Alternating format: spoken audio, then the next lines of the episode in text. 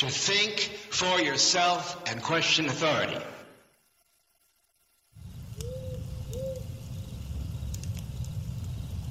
No i pojawił się las, pojawiło się ognisko, pojawiłem się ja. Sobotni wieczór, radio na fali. Ja na imię Tomek, a to wszystko się nazywa Hiperprzestrzeń.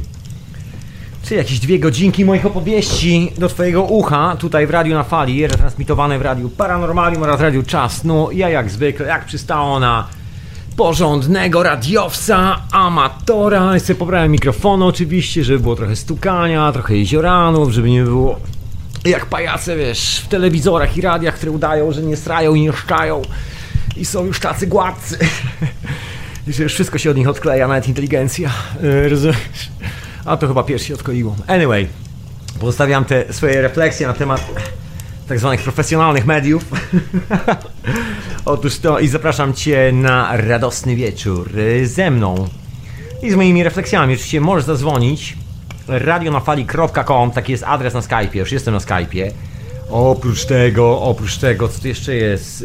Jest jeszcze czat radionafali.com, wchodzisz przez właśnie radionafali.com na czatango, jest na czatangu i tam jestem sobie elegancko na czacie jednym okiem oczywiście. Oprócz tego jest czat na Radiu Paranormalium i jest jeszcze czas e, snu oczywiście, także czat jest na Paranormalium, na czasie snu nie ma. Wiem, że jeszcze jest transmitowane zdaje się na YouTubie przez Paranormalium, także ja myślę, że jeżeli naprawdę ktoś chce posłuchać, to masz więcej niż jedną możliwość, to masz wszystkie możliwości, tak mi się wydaje. A o czym ja mówię dzisiaj? Ja dzisiaj pokontynuuję troszkę wątek, wątek, e, co no jak to nazwać? Nazw jest wiele. No wiele jest nazw. Wiele, ale jakoś się trzeba zdecydować w końcu jedną. Ja dzisiaj będę kontynuował wątek substancji, który się pojawił w zeszłym tygodniu w hiperprzestrzeni, także będę leciał dalej, bo jesień, grzyby na horyzoncie. Rozumiesz, e, koleżanko i kolego, nie można stać z boku. No nie można stać z boku własnego życia. Życie jest po to, żeby je mieć i nim właśnie żyć. Także dzisiaj troszeczkę na ten temat, żeby nie stać sobie z boku. I o substancjach, i o refleksjach związanych e, z całą tą historią dookoła całego tego zamieszania. Anyway, może zacznę po prostu od utworu muzycznego. No ale zanim zacznę od utworu muzycznego, to przypomnę, że jeszcze oprócz mnie w radiu na fali, koleżanko i kolego, jest w środku tygodnia książę Edward, którego serdecznie pozdrawiam. Właśnie. Ja tutaj dokręcam jeszcze mikrofony, dlatego tak dziwnie mówię. Siłuję się z rurką od mikrofonu, ale chyba już jest ok, mam nadzieję. Także książę Edward w środę o 23 polskiego czasu w Radiu na Fali, też retransmitowane w Radiu Czasno i w Radiu Paranormalium. W czwartek Chata Mistyka, czyli Bart z podróży, prosto gdzieś z Nepalu tym razem. Zapraszam serdecznie, jest o godzinie 10 polskiego czasu, a później czasami ja się pojawiam na krótki felieton. Ostatnio nie byłem, także dzisiaj troszkę będzie felietoniarsko w hiperprzestrzeni. No może nie do końca felietoniarsko, bardziej substancyjnie. Substantial, to jest takie słowo w języku angielskim, oznacza... E, e, dosłownie tak, znaczy nie dosłownie, tak tłumacząc e, na substantial znaczy konkretny, zasadniczy albo coś takiego sub, substancja, od, od nazwy substancja, że jest czegoś pełno, że zasadniczo to jest, to chciałem powiedzieć. Także dzisiaj e, zasadniczo substancyjnie, proszę ja koleżanki i kolegi. Co za łamany język polski, ale będzie jeszcze gorzej. Ale to dopiero później, w hiperprzestrzeni, w radio na fali, a ja zacznę, zacznę może od czegoś, od czego w ogóle powinienem zacząć tą dzisiejszą audycję. Numer myślę doskonale znany bardzo wielu ludziom, bardzo wielu, szczególnie tym, którzy są z mojego pokolenia. No cóż, ciężko tego nie znać. Bo ja dzisiaj właśnie, zanim puszczę utwór muzyczny, to może naprowadzę się troszeczkę na ten trop, o czym ja w ogóle chcę dzisiaj mówić. A w ogóle mam czasami takie wrażenie, że cywilizacja, w której mieszkam, właściwie może nie tyle cywilizacja, ile świat ludzi, który, który tworzy tą całą rzeczywistość, no właśnie, bo to zawsze świat ludzi odpowiada za tą całą rzeczywistość, a czasami bardzo poważne zaburzenia psychiczne. I, i są substancje, które leczą z tych zamówień e, za, e, zaburzeń psychicznych, a zaburzeniem psychicznym, czy chcesz, czy nie, jest nic innego jak nasze współczesne życie w tej tak zwanej society. Kompromisy, które płacimy za to, żeby móc tu funkcjonować. Te kompromisy powodują, że połowa z nas ma stres półrazowy i inne dodatkowe rzeczy. I tak oto leci, leci, leci, leci i się okazuje, że wszyscy są już w trumnach. Bo nikt nie przeżył do momentu, kiedy zaplanowano edycję nowego modelu produktu, a już e, kadra menadżerska nie przeżyła i klienci nie przeżyli. Jest nowy model telefonu i nie ma go komu wprowadzić, bo nie masz klientów, wszyscy poumierali. Nagle się okazało, że te dane pod tytułem telefony komórkowe niszczą ludzki mózg się okazały prawdziwe. No wszyscy o tym wiedzieli, ale okazało się, że lepiej się zabić i sobie pogadać o dupie Maryni, niż żyć szczęśliwie i rozmawiać też o dupie Maryni. Przysłowie. Przepraszam Maryna. Przepraszam Maryna, nie chodziło o twoją pupę, chodziło tylko o przenośnie, pani Maryno. Tylko przenośnie, także ja zostaję może yy, wdzięki pani Maryny. No właśnie, i zajmę się dzisiaj takim bardzo ciekawym obrazem yy, tego, na co sobie pozwalamy, na co sobie nie pozwalamy. Jest taka kontynuacja mojego wątku z zeszłego tygodnia, bo ja w ogóle twierdzę, że jeżeli ktokolwiek ma pretensje do tego, że cywilizacja jest dupy, to powinien zacząć od tego, że powinien się zastanowić, co w nim jest do dupy. Otóż to! Otóż to! Słuchaj, utyskiwań na świecie końca nie ma. Tak jest prawda. Szczególnie w dzisiejszych czasach. Taki ciekawy news na sam początek, żeby rozkręcić troszkę temat. Taki wiesz, gorący news w dzisiejszych czasach. Może słuchasz tego za 100 lat i to już nie gra żadnej roli, ale posłuchaj, posłuchaj, dowiesz się, co się działo 100 lat temu, gdzieś tam na Florydzie. Czyli w roku 2017 po przejściu wielkiego huraganu przez Florydę prawo, lokalne prawo, które sobie wymyślili ludzie, którzy chodzą na wybory, którzy głosują w tych wyborach, wybierają prezydenta, później się kłócą, czy ten jest lepszy, czy drugi jest lepszy. Są w stanie założyć nawet koszulkę z widokiem jednego i drugiego pajacyka. Są w stanie się kłócić przy rodzinnym stole, w ogóle dyskutować, jaki, e, który z tych pajaców ma większy wpływ na ich życie. Rozumiesz? Takie rzeczy są możliwe. No i później, e, później wybierają to wszystko tałatajstwo, tałatajstwo ich okrada, oni udają, że ich nie okrada, udają się, udaje im się udawać, że są szczęśliwi, wszystkim się udaje udawać do pewnego czasu, że są szczęśliwi, przychodzi, przycho a jak są nieszczęśliwi, to biorą tabletki od psychologa, takie antydepresanty. I jak są nieszczęśliwi, tylko 5 lat nieszczęścia i szybciutko umierają na zawały i inne choroby. Także e, szczęśliwie nie muszą być długo nieszczęśliwi, bo e, współczesna medycyna zadbała o to, że człowiek nieszczęśliwy bardzo szybko jest wysyłany wcale nie obozu koncentracyjnego przymusowej pracy. Znaczy jest, ale wiesz, to jest taki dobrowolny obóz e, eksterminacji. No w każdym razie wracając do tego wątku nieszczęśliwości, szczęśliwości na Florydzie i wybrania sobie kolejnych pajatów do rządzenia. Słuchaj, milion ludzi nie jest w stanie w Ameryce, kraju wolnego człowieka. Yeah! The free man on the fucking country. So, e, te milion ludzi nie jest w stanie, słuchaj, a ten boga cały numer, wziąć sobie, że tak powiem, ustawić prądu elektrycznego. Się okazało, że po przejściu tornada na Florydzie wszyscy muszą odłączyć panele słoneczne, muszą odłączyć wszystko, cokolwiek chcą. Oglądałem sobie reportaż takiego dżentelmena, który mieszka na Florydzie i nakręcił reportaż taki na YouTubie, na swoim kanale na ten temat. Nie będę wklejał linka i tak jest po angielsku. Musisz sobie sam poszukać. Jest we wszystkich gazetach i tak dalej. To nie jest żadna tajemnica. Ale już mówię, co tam jest. Mówię, mówię, a nie mówię o co chodzi. Chodzi o to, że po przejściu huraganu nie ma nigdzie prądu. Pozrywało wszystkie linie. Floryda jest miejscem, gdzie nie buduje się piwnic, podpiwniczeń ani takich rzeczy, bo siedzi na bagnach, także tam nie ma rury za bardzo w ziemi. Wszystko idzie naziemną częścią. Linie wiszą na słupach wysokiego napięcia. Wiadomo, że po przejściu huraganu nie ma żadnych linii wysokiego napięcia, nie ma nic, co możesz uratować bo słupy telefoniczne zostały wyrwane i porwane kilometry dalej. To nawet nie jest kwestia, że ty przyjedziesz, postawisz ten słup z powrotem, połączysz kable, podczepisz, zejdziesz na dół, przybijesz piątkę z kumplem i powiesz Job done! Czyli robota zrobiona. Bullshit. Żaden job done. Nic takiego nie zrobisz, bo nic tam nie ma. Przede wszystkim e, nie dojedziesz na miejsce, gdzie stał ten słup z prądem elektrycznym, z drutami z prądu elektrycznego, bo tam już nie ma drogi. Także swoją fantastyczną ciężarówką, która ma fantastyczną drabinę, fantastyczny serwis, wszyscy mają telefony komórkowe, firmowe koszulki, pracują dla dobra, wiesz, public space i tak dalej. I tak tam nie dojadą. Ale najlepszy numer jest taki, że skandal polega na tym, że nie dość, że żadna pomoc nie może dojechać, co akurat nie jest skandalem, bo wiadomo, że przecież nikt nie dojedzie, to były takie przekomarzanki, to takie jak ci archeolodzy, którzy twierdzą, że piramidy mają 3000 lat. No, jasne, jasne. A ty w poprzednim życiu, i jeszcze powiedz mi, że w poprzednim życiu byłeś Napoleonem, A w jeszcze poprzednim wcieleniu, mój ty kochany pani archeologu, musisz mi jeszcze przypomnieć, że byłeś Kleopatrą. No wtedy to już ci zupełnie uwierzę. No ale to jest poziom współczesnej archeologii, nie różniący się niczym chyba od współczesnej takiej w ogóle ogólnej wiedzy. No nie jest tylko w archeologii, w medycynie, jest właściwie wszędzie, w inżynierskich naukach i tak dalej, i tak. No i sięgnęło Kalifornii, znaczy nie Kalifornii, jeszcze nie. Kalifornii sięgnie za parę chwil, na razie sięgnęło Florydy. No i się okazało, że nie ma prądu i coś trzeba z tym zrobić. I ludzie zaczęli włączać sobie panele słoneczne, kombinować jak tylko się da i się okazuje, że nie możesz nic takiego zrobić, ponieważ w Ameryce, na Florydzie jest oficjalny przepis, zakaz, to jest, e, to jest przepis federalny rządu amerykańskiego, że nie możesz mieć własnego nieza, e, niezależnego źródła zasilania prądem elektrycznym w domu. Dosłownie.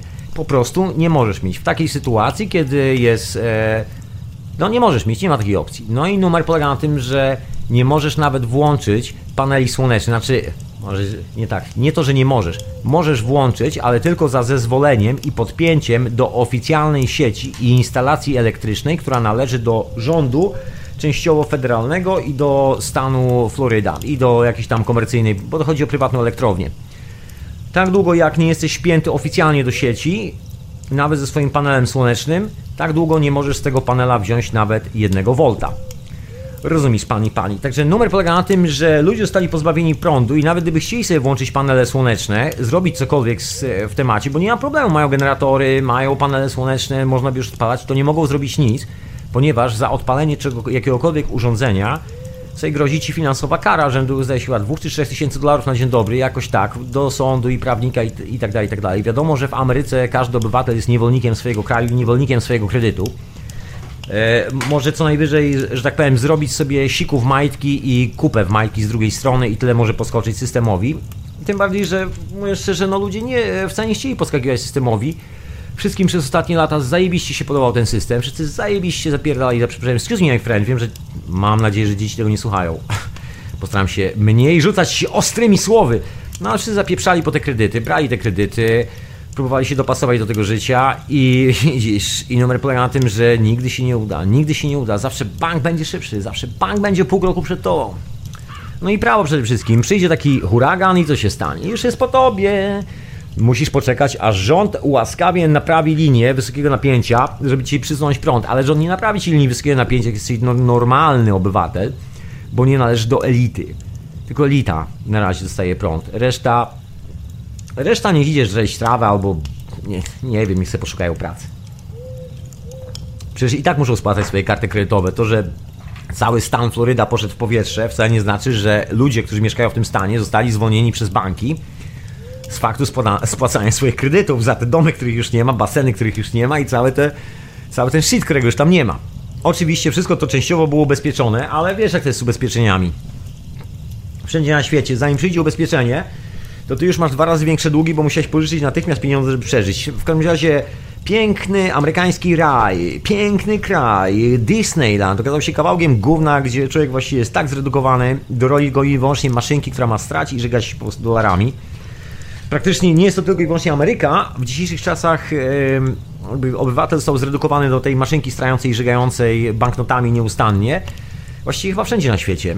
I żeby było zabawniej, każdy obywatel na to pozwolił. Jest znakomita ilość ludzi na świecie, która w sytuacji, gdzie do wyboru ma uścisnąć drugiego człowieka albo dostać przysłowiego dolara do ręki w postaci banknotu, wybierze e, tego dolara zamiast uściskania drugiego człowieka.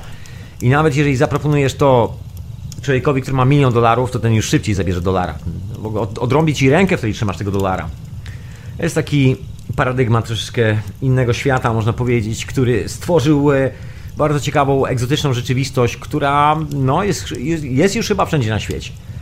Powoli, cicho tam gdzieś spo, e, ludzie wspominają w gazetach, że wiesz, no, no, wiesz, mamy pewne problemy. Się ostatnio gazeta The Guardian w Anglii pokusiła o odważny artykuł, odważny. Pod im ściek, odważny artykuł. Nie, nie, nie napisali o tym, że rodzina królewska to pedofile. Nie, nic z tych rzeczy, nie, nie. Znaczy, aż tak odważni nie są, bez przesady. Przecież to jest przede wszystkim właściciel gazety The Guardian i Independent, czyli dwóch największych tytułów Anglii, są dobrymi przyjaciółmi rodziny królewskiej. Także nawet gdyby rodzina królewska zerżnęła ich własne dzieci, to i tak tego nie napiszą w gazecie. Nie wiem, może pójdą się wypłakać do, w makiet królowej, jeżeli nie zejdzie na raka, coś w tym stylu. Syf jest wszędzie nieprzeciętny na świecie. Jakby normalny człowiek, e, nas dźwięk słowa polityka zaczyna żygać i tak e, ciężko mu skończyć. To chyba normalny odruch.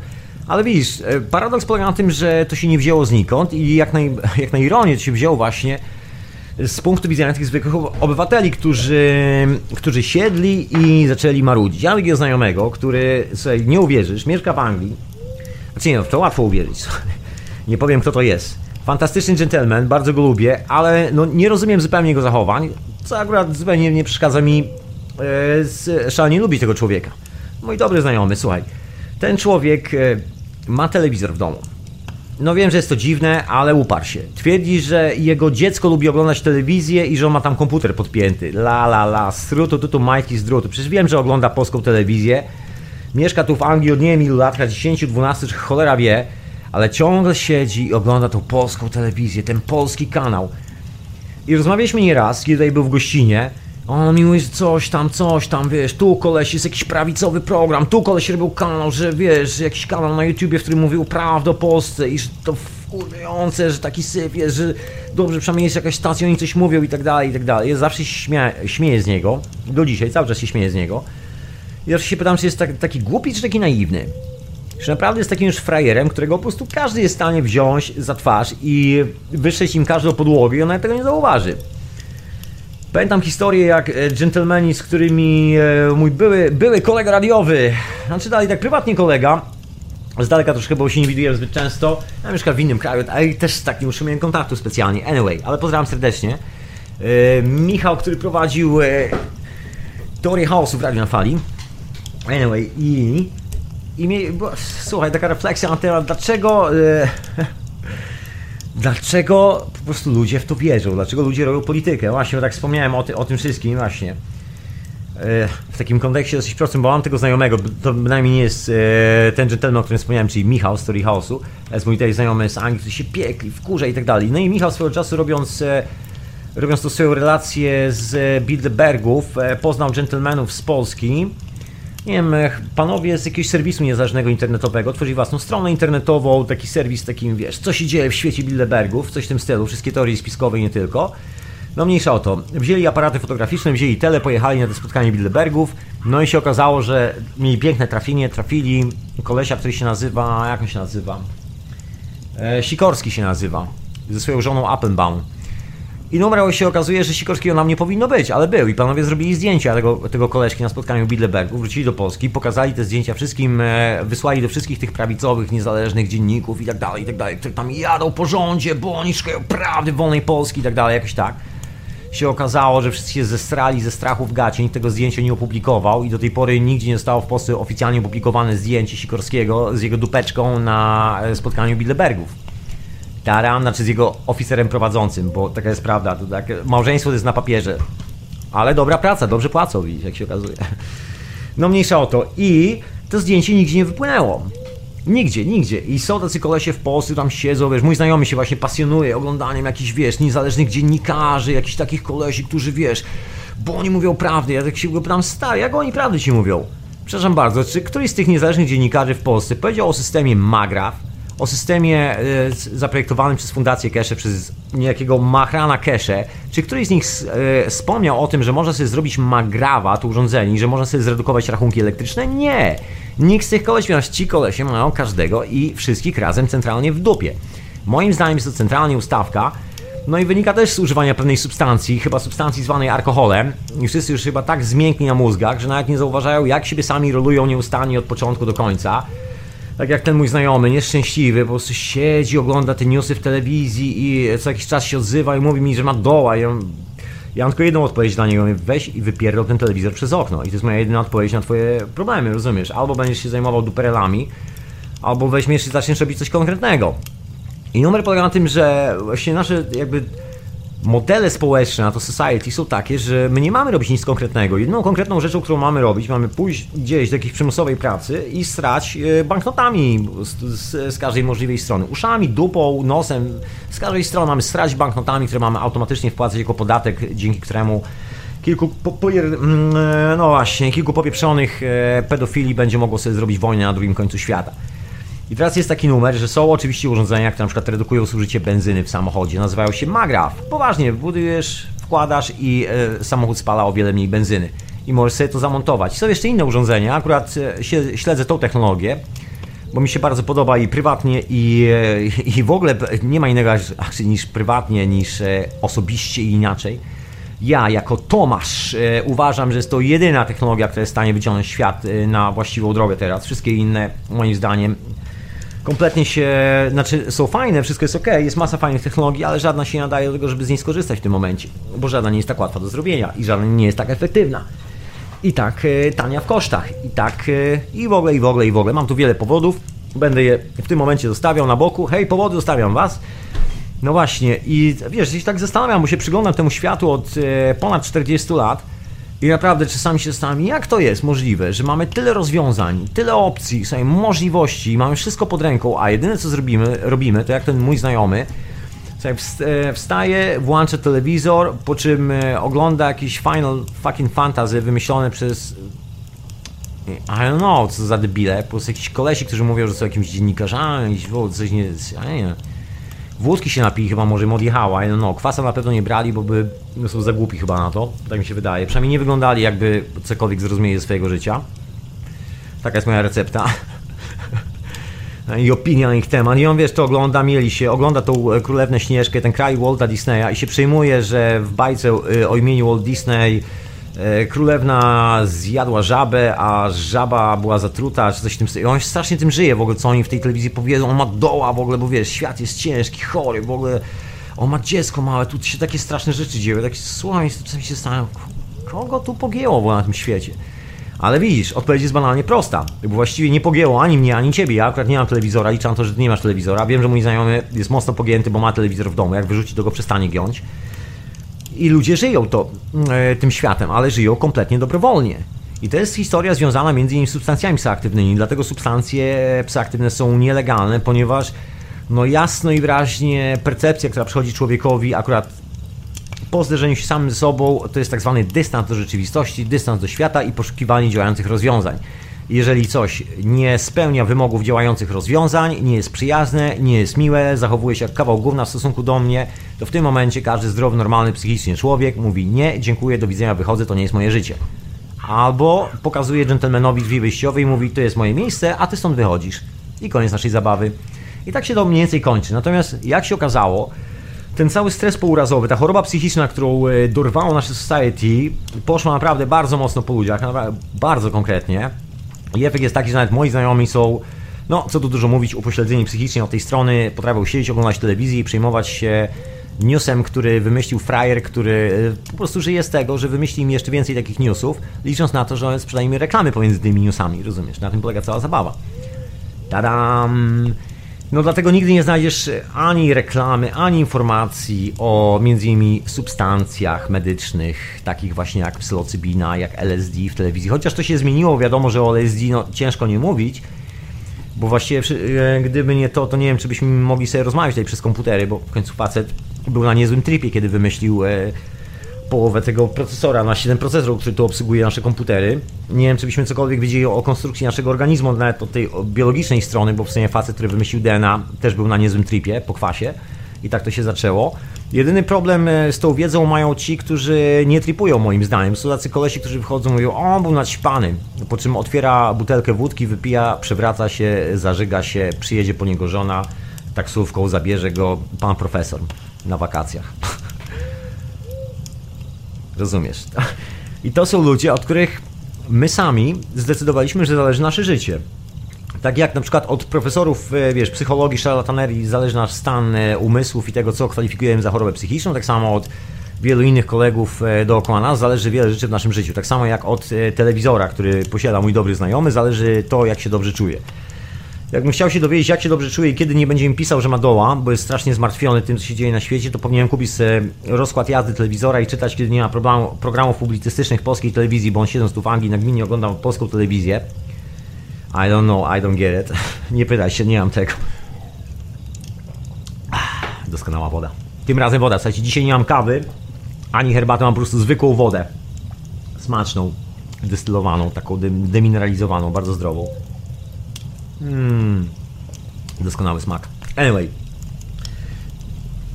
Można się zawiesić na tym, można się nie zawiesić, e, wracając do mojej konkluzji.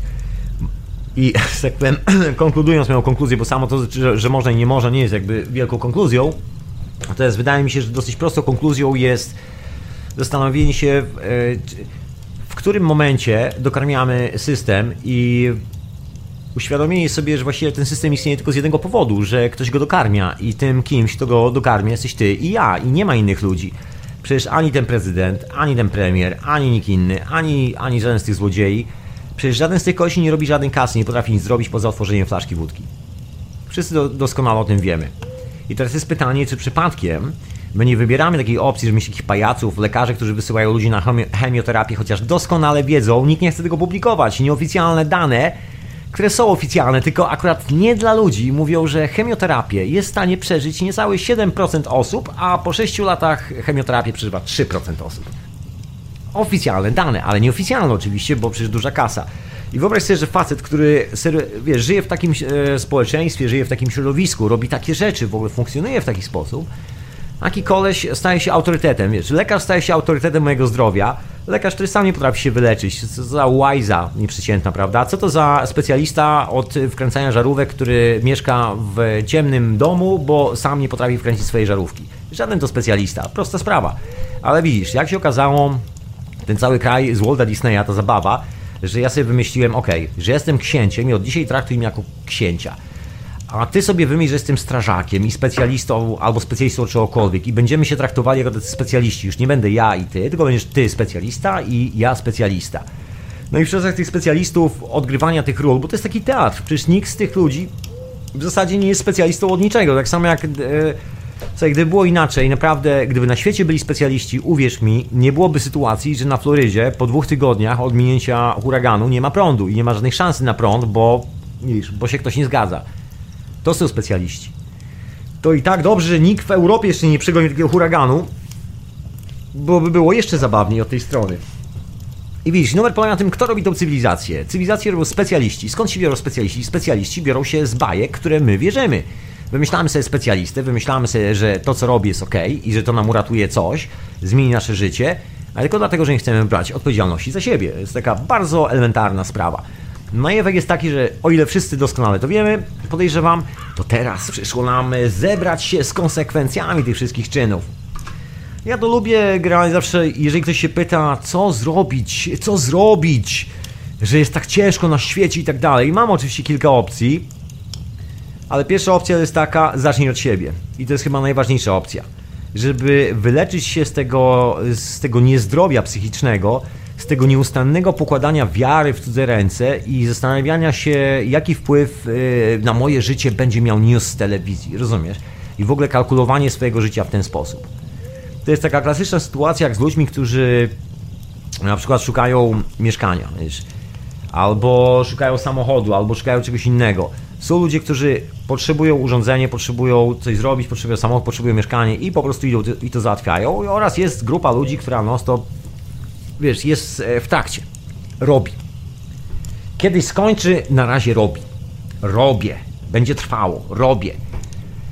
I to jest właśnie taki teatr, który odgrywamy przed sobą. Każdy, każdy z nas potrafi odegrać taki teatr. Mam nadzieję, że jak najmniej e, nas odgrywa ten teatr na co dzień. Właśnie konsekwencja tego, że świat dookoła jest taki zabawny, jaki jest, to jest to, że my zgodziliśmy się na odgrywanie tych ról, że usiedliśmy w tych, wiesz, mundurkach, ty jesteś policjantem, ja jestem kimś innym, on jest lekarzem, on jest tamtym i że niby coś tam wiemy, że nie wszystko jest ok, wiemy, że nic nie wiemy, wiemy, że cała ta nauka to jest gówno prawda, ale widzisz, przyzwyczailiśmy się do tego i czujemy się z tym bezpiecznie. To wcale nie znaczy, że lekarz ci wyleczy z czegokolwiek, ani że mechanik będzie wiedział, jak naprawić urządzenie, poza tym, że stwierdzi, żebyś kupił nowe. Rozumiesz? To są takie klasyczne rzeczy. I to jest taka zabawa, zabawa właśnie w teatrzyk. My sobie odgrywamy teatrzyk. Dlatego wszystkie te nielegalne substancje cały czas są e, na liście nielegalnych. Nienawidzone i znienawidzone przez wszelkie sekty pedofilskie typu Watykan na świecie. Rozumiesz? E, przez wszelkie religie. Każde doktryny teologiczne mówią ci: nie rób nic. My zapewniamy ci wszystko. Każde państwo mówi: nie rób nic. My zapewniamy ci wszystko, bo to wszystko to jest religia. Taka jest moja opinia tylko po to, żeby zatrzymać nas w pół drogi, żebyśmy nigdy nie wpadli na pomysł, że to my robimy to wszystko dookoła. I to wszystko tylko i wyłącznie służy po to, żeby jak największa ilość z nas uwierzyła w to, że nie ma już nic do powiedzenia i że nie ma nic do zrobienia i że się, że się należy dostosować do panującego trybu życia. I myślę, że znakomita część z nas kupiła to gówno, połknęła i jest nieprzeciętnie szczęśliwa, licząc na to, że pewnego dnia spłacą swój kredyt, pewnego dnia znajdą szczęśliwą, radosną przystań, do której przybiją. Nie, no nigdy nie znajdą, wszyscy o tym doskonale wiemy. I zwariować można tylko z jednego powodu. Zwariować można z powodu tego, że ma się leniwą dupę swoją własną i się nie chce szukać żadnych działających rozwiązań, a nawet jeżeli zna się rozwiązania, to się nie aplikuje tych rozwiązań do własnego życia. Jedyna frustracja, to jest moja opinia na ten temat. Ja wiem, że współczesna szarlataneria o nazwie psychologia ma tutaj masę, słuchaj, e, ma duże portfolio, bym powiedział, i zaraz się pojawi jakiś cwaniak, który gówno na temat życia wie, nic jeszcze nie zrobił, ale pewien pan psycholog powiedział i ja się tutaj nauczyłem i z pacjentami tu, no jasne, to zastosuj do swojego własnego życia, sprawdzimy jak działa, a wtedy wróć do mnie, pośmiejemy się razem. W każdym razie zasada jest prosta, wszyscy zaakceptowaliśmy bardzo ciekawą rzecz. Jest to kompletny brak jakiejkolwiek odpowiedzialności i ten brak od, jakiejkolwiek odpowiedzialności wydawał się bardzo przyjemny do momentu, dopóki ktoś coś dostarczał, albo wierzyliśmy, że ktoś coś nam dostarcza, albo coś z tego będzie. I tak jak na Florydzie piosenka szybciutko się skończyła, bo okazało się, że lokalni mieszkańcy nie są w stanie wstrząć rebelii przeciwko bandziorom, którzy przyszli i powiedzieli im: A to sobie zdychaj bez prądu, bo ja ci zabraniam używać prądu. Rozumiesz, nie było rebelii nie, nie, wszyscy czekają grzecznie, aż tam rząd przyjdzie, podłączy te wszystkie rzeczy, a jak przyjdą i pozwolą wziąć karabin, iść na wojnę i się zabić, to pójdą i się zabiją, no rozumiesz? Ludzie roboty. Ludzie roboty, które uwierzyły w to, że wszystko na świecie jest dokładnie tak, jak pisze w gazecie. Wszystko, bez żadnego wyjątku. I że na pewno tak właśnie wszystko jest skonstruowane. Fenomenalna historia. I to jest właśnie dokładnie ten numer, który towarzyszy nam każdego dnia, na który wszyscy się zgadzamy, wiesz, ty i ja do pewnego stopnia. No właśnie. No ja szczęśliwie kilku rzeczy już w życiu nie robię. I myślę, że cała zabawa polega na tym, żeby nie robić tych rzeczy w życiu, niekoniecznie na byciu wielkim radykalistą i tak Po prostu wycinać to wszystko systematycznie i nie pompować tego dziadostwa żeby, że tak powiem, się nie rozbryzgiwało po okolicy, wręcz wykonać jakąś drugą akcję w odwrotną stronę. I to jest kwestia tego historii z depresją, można powiedzieć, historii z, z tym, że nie czujemy się świeżo w tej całej sytuacji. Rozejrzy się po ulicy. Ile szczęśliwych ludzi w dzisiejszych czasach. Słuchaj, mija prawie 50 lat od zakończenia ostatniej potężnej wojny w Europie. I obawiam się, że zaraz e, po wojnie, gdzie, gdzie była większa nędza niż kiedykolwiek w ostatnim stuleciu było więcej szczęśliwych ludzi niż teraz, jak się okazuje, zdaje się. Są jakieś badania robione e, nieustannie. Mówisz, firmy, które sprzedają produkty, martwią się o to, czy będzie komu sprzedać te produkty, czy klient jest zadowolony. I robiąc te wszystkie badania się okazuje, że ludzie ciągle są nieszczęśliwi, ciągle coś ich boli i tak dalej, i tak dalej. Tak jak substancją psychoaktywną wielka zabawa w kotka i myszkę, co jest legalne, a co nielegalne. Żaden psycholog właściwie taki komercyjny nie pójdzie nigdy w stronę, wiesz, legalizacji czegokolwiek, bo w tym momencie zabierasz mu pracę. Całe jego, wiesz, doświadczenie, cały ten bullshit, który się, którego się nauczył na pamięć i wydaje mu się, że coś to znaczy, idzie się walić na drzewo, bo ty bierzesz sobie z sobą substancję, idziesz sobie do lasu, spędzasz w tym lesie 8 godzin i wiesz więcej niż ten pan psycholog na temat swojego życia, na temat całego świata, to ty wiesz więcej na temat całego świata i swojego życia niż on się kiedykolwiek dowie. Taka jest prawda. I nigdy nie będzie inaczej. I to jest moment, i to jest ten punkt, w którym podważasz sens istnienia systemu. I to jest dokładnie ta zajawka, tak zwana zajawka, na której się zawieszamy. Sens istnienia systemu. No właśnie, ilu z nas na co dzień spędza znakomitą część swojego życia na szukaniu sensu i znajdowaniu oczywiście sensu dla istnienia tego systemu. Bardzo dużo. Słuchaj, spytaj się człowieka, po co robi swoją pracę, to ci dumnie odpowie, że świat go potrzebuje. I odpowiedź to pani sekretarka, która przekłada nic nieznaczące papiery z jednego miejsca na drugie. Albo ktoś, kto zajmuje się potwierdzaniem umówionych rozmów telefonicznych. Tego typu historie. Bo co my właściwie robimy jako taką? Nic innego, jak tylko odgrywanie roli, udając, że coś robimy. Efekt jest taki, że właściwie nic nie robimy, bo stąd jest ta nędza. Bo niby coś robimy, ale właściwie nic nie robimy. Produkty nie nadają się do do używania. No ale o tym wszyscy wiemy, to nie ma żadnej specjalnej tajemnicy. Po prostu fuksem tu jeszcze żyjemy na tej planecie, po tym całym zamieszaniu. Wielu, wielu z nas y, zwariowało do tego stopnia, że Tutaj ludzie nawet prowadzą oryginalne, prywatne audycje y, finansowane z własnej kasy, żeby reklamować telefony komórkowe i tak dalej, i tak dalej, bo wydaje mi się, że wiesz, to jest taka bajka, że oni może kiedyś, kiedyś gdzieś po drodze się skleją z tym budżetem reklamowym kolejnej, kolejnego modelu telefonu i może producent do nich zadzwoni i dzięki temu, że zadzwoni, oni byli tacy poprawni politycznie, nicznie, nie robili nigdy, wiesz, żadnej substancji, nie wybierali się w za dalekie podróże, żeby przypadkiem nie mieć zbyt du e, dużo dalekosiężnych wniosków i refleksji, a chłopaki zostali tu na miejscu, może sprzedamy następny telefon, a może ja dostanę robotę, może coś mi skapnie. Jest taki odruch człowieka, który myśli, że może coś mi skapnie z tego.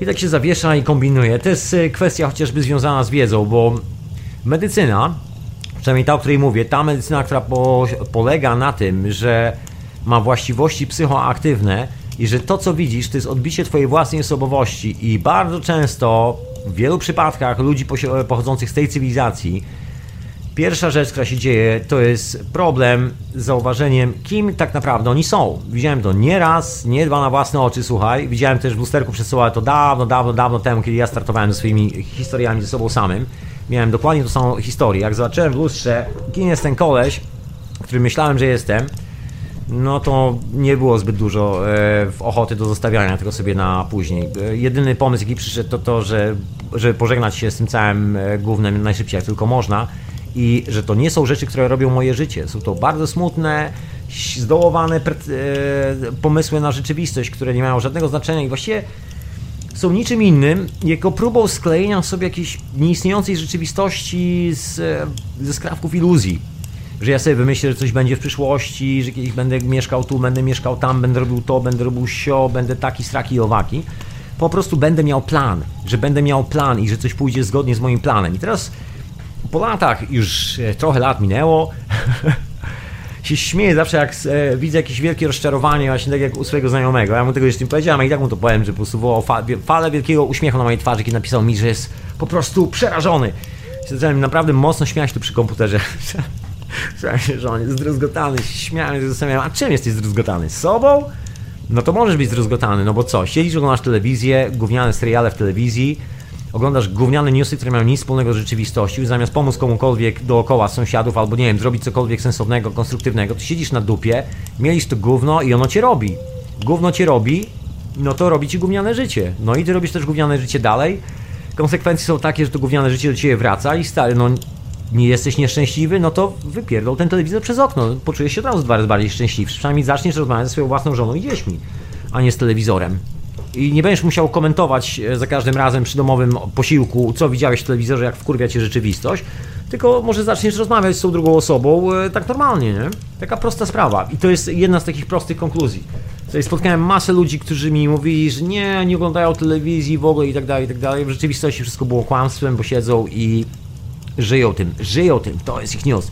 Ale właśnie, skąd, skąd to się bierze? No to jest ciągle ta znaczy, no wiemy skąd się bierze strach, przerażenie, panika i niechęć do brania odpowiedzialności, bo się okazuje, że właściwie nikt z nas nie musi żyć w niewolniczym systemie. Nikt, absolutnie. Nie ma w ogóle takiej potrzeby. Jedyna potrzeba, jaka istnieje, to nasza własna. To jest nasza własna, chora ambicja. Moja kochana mama, słuchaj, naprawdę bardzo kocham moją mamę, jest fantastyczną osobą, w ogóle się z nią nie, dogaduję. Po trzech minutach e, muszę się bardzo mocno trzymać, e, żeby nie odłożyć słuchawki telefonu. Poważnie, po prostu nie wytrzymuję tak nie wchodzi mi absolutnie ten klimat, absolutnie nie radzę sobie w takich rozmowach. Rozumiesz, e, nie jestem ambitnym człowiekiem i zawsze mamy bardzo taki poważny punkt krytyczny sporu, ja ze swoją mamą, na temat ambicji, bo dorastałem w domu, w którym się mówiło, że trzeba mieć ambicje, trzeba być ambitnym, trzeba coś osiągnąć w życiu. I prawie, i powiem Ci, że osiągnąłem, i nawet nie prawie, tylko osiągnąłem naprawdę sporo, przynajmniej jak na swoje własne warunki. Może na twoje warunki jest to nic, ale na moje to jest po prostu kosmos. W każdym razie osiągnąłem to, co chciałem osobno osiągnąć w skali międzynarodowej finansjery. No i koniec końców e, przy, no wiesz, no konsekwencje jak, jak obracasz się w tym całym zamieszaniu, jak e, próbujesz zrealizować jakieś ambicjonalne historie, wiesz jak to wygląda, działa i tak dalej. Ja szczęśliwie miałem fuksa, bo nie byłem kierowany i motywowany aż tak bardzo ambicją, tylko tym, że należy do ludzi, którzy lubią to, co robią zawodowo. Jakby się wyżywam i spełniam zawodowo, wyobraź sobie. Także nie czuję się, nie czułem się nigdy w pracy jak w niewoli od tej strony. To sobie rysowałem, a to, że rysowałem przez całe życie, to sobie rysowałem w pracy, za to mi płacili ekstra. W każdym razie, zawsze rozmowa y, schodzi do tego ambicyjnego momentu, że wiesz, że trzeba mieć w życiu że trzeba coś osiągnąć, że trzeba kupić dom, że trzeba coś, no, że trzeba coś. I ja zawsze się patrzę, zawsze tłumaczę, mówię, kobieto szalałaś, naprawdę szalałaś. Bo to jest prosta historia, zawsze się pytam, co i nie dogadujesz się, nie dogadałaś się z facetem, z którym, e, z którym miałaś dziecko, a mówisz innym, że mieli ambicje w życiu, że to coś zmieni w ich życiu. I co to zmieniło w twoim życiu? Wtedy zapada takie milczenie, duże milczenie, czasami jak jest taka poważna rozmowa, milczenie trwa jeden dzień, bo mama się na mnie gniewa, a ja widzisz, kocham swoją mamę, jestem uczciwym e, synem i ja nie zamierzam jej okłamywać, ani wiesz, e, opowiadać różnych niesamowitych rzeczy. Rozmawiam z nią tak szczerze, jak tylko mogę najbardziej. Nigdy nic nie zostawiam, żadnych e, niedogadanych historii, żadnych takich, wiesz, dziwnych rzeczy. Po prostu walę prosto z mostu. Słuchaj, o co chodzi w tym wszystkim. Jest to taka klasyczna historia pod tytułem Nie zgadzamy się na temat ambicji. Ja się zawsze na nią patrzę, jak ona mi próbuje mówić o ambicji, a jak się patrzy na nią, mówię, zobacz, przyjść się na swoje własne życie, zobacz na tych wszystkich ludzi dookoła, pokaż mi ambicje, pokaż mi szczęśliwego człowieka, pokaż mi. Po prostu pokaż mi, kto jest szczęśliwy, kto jest zadowolony, co ci ludzie zrobili. I nagle zapada takie milczenie, ona coś tam powie, a ja aż tak się złożyło, że ja akurat znam część tych ludzi i pamiętam kiedyś był jakiś taki argument, zobacz na tego i tamtego. Ja mówię, no widziałem, no okradł tylu ludzi, że dawno powinien siedzieć w więzieniu. I jesteś, jesteś z tego dumna, że znasz złodzieja? Rozumiesz, są takie dyskusje i nagle zapada milczenie. I to jest ta kwestia z aspiracjami, ambicjami, rozumiesz, bo moja mama, jak większość ludzi na świecie, podejrzewam, twoja mama pewnie też czasami, może mniej troszkę niż moja, z nie wiem, kto im nakładł, nakładł do głowy tego gówna, żeby tresowali własne dzieci na zasadzie ambicji. Wiesz, znam, e, mam takich znajomych, którzy wysyłają własne dzieci na wszelkie możliwe szkoły zajęcia, bo też mają takie ambicje, żeby zgnoić swoje dzieci i zamienić je w roboty, które będą na rozkaz od, odblokowywały zamek, e, zamek w karabinie maszynowym i strzelały do każdego, niezależnie od jego koloru skóry, czegokolwiek, na rozkaz oficera dowódcy. Czy jakoś tak. Taki klasyczny numer. Jak się okazuje, ambicje są toksyczne. Bo cóż to jest ambicja? To jest chora przypadłość, znaczy chora, to jest po prostu choroba psychiczna, taka prawdziwa, już nie wymyślona przez lekarzy, szarlatanów, psychologów, tylko to jest naprawdę upośledzenie umysłowe, które polega na tym, że człowiek żyje w miejscu, gdzie go nie ma. Bo jesteś tu i teraz, słuchasz mnie tu i teraz. Twoja ambicja na temat kolorowego basenu, samochodziku, który jest czerwony i sportowy, domu i czegokolwiek innego, idzie się walić na drzewo, bo sobie rozmawiasz tu ze mną, albo słuchasz mnie w tym momencie, on może zawsze wyłączyć oczywiście. oczywiście, jak najbardziej. Polecam. No właśnie. I, I gdzie jesteś? Jesteś tutaj, czy, czy gdzie? Gdzie ty jesteś w ogóle? O czym ty myślisz? No właśnie, to jest taki klasyczny numer, że ta pokusa tego, że gdzieś jest lepiej, że jest gdzieś miejsce, że trawa jest bardziej zielona, ta pokusa, ubrana w jakieś e, dziwne stroje ludowe pod tytułem polityka lokalna, szmaty kolorowe pod tytułem flagi narodowe, wiesz, orzełki, chorągiewki itd., tak itd., tak kolejny kraj obok, wiesz, rywalizacja pomiędzy krajami, rywalizacja pomiędzy rodzinami, rywalizacja pomiędzy ludźmi, rywalizacja w pracy o stanowisko, rozumiesz? I to wszystko jest związane z ambicją. To nie jest kwestia tego, że ktoś to robi, bo właśnie jest gratyfikowany. To są wszystko rzeczy, które wykonujemy jako społeczeństwo po to, żeby pewnego dnia, bo tak nam się wydaje, bo no, oglądaliśmy Walda Disneya, zostaniemy nagrodę i nagrodą będzie coś. To coś, to coś specjalnego, co uczyni nas kimś specjalnym. No, jak się okazuje, nic takiego nie ma. To, co czeka nas, e, na nas za tymi drzwiami, jest zupełnie innego, coś zupełnie innego. Ci, którzy wchodzą w bardzo ciężki biznes e, światowy i finansjery, bardzo szybko się dowiadują, że muszą wpaść na imprezę razem z kolegami, bo kiedy robisz już takie miliardowe interesy, gdzie tam jeden kontrakt to jest tam, wiesz, 200 milionów dolarów, to musisz wpaść razem z kolegami na imprezę, bo głupio się nie znać w towarzystwie, a, a impreza jest akurat taka, że, że musisz zerżnąć e, pięcioletnie dziecko. No rozumiesz. I to jest, e, to jest wpisowe do klubu miliarderów, wiesz, takich multibilionerów na świecie. Dosłownie musisz wykonać taki zabawny numerek na oczach kolegów. Razem z nimi zresztą oni też lubią. I to jest, e, i to, jest to, gdzie dorośli ludzie wysyłają swoje dzieci, słuchaj. Natomiast, e, żeby chociaż wysłali na kwasa, wysłali gdzieś na ayahuasca albo coś takiego, wiesz, to to już takie, wiesz, synu, nie pal jointów, bo ci się coś stanie. Najbardziej się śmieję z... Znaczy śmieję, no śmieję się zawsze i mówię to też prosto w oczy swoim niektórym znajomym, którzy mówią, a bo takie siedzą na ławce przed blokiem palą jointy. A ja tak patrzę na nich, a co, mają pracować w banku i się opierdalać do gołego swojego kredytu, jak, jak tamci inni, którzy byli ambitni i nagle jest takie, taka cofka do tyłu i mówię, no... Mówię, zaraz, zaraz, zastanów się kolego, to wolisz tych ludzi, że sobie siedzieli palili jointa na ławce, czy wolisz, żeby zamienili się w takich, wiesz, kolesi, którzy cię już orżną i puszczą naprawdę w skarpetach? Bo będą teraz walczyli o pozycję menadżera w banku, w którym dostali pracę 3 miesiące temu, bo muszą się sprawdzić. Do kogo wolisz bardziej? Ja osobiście wolę usiąść sobie z takimi przysłowiowymi ziomkami na ławce, zapalić z nimi bata i pogadać o przysłowiowej pupie Maryni. I to jest moja opcja. Uważam, że to jest zdrowe. Natomiast druga opcja, jakkolwiek by nie była, to jest już choroba psychiczna i taka naprawdę mocno zaawansowana. Przynajmniej w mojej opinii. Bo są moim zdaniem chyba dwie rzeczy do wyboru. Przynajmniej w moim e, takim oglądzie sytuacji.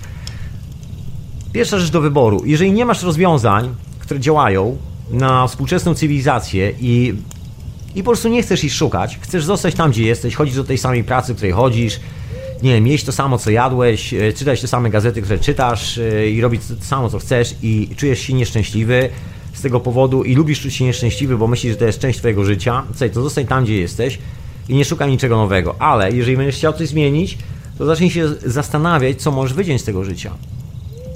To może najlepszy numer będzie, jak zrezygnujesz z kariery.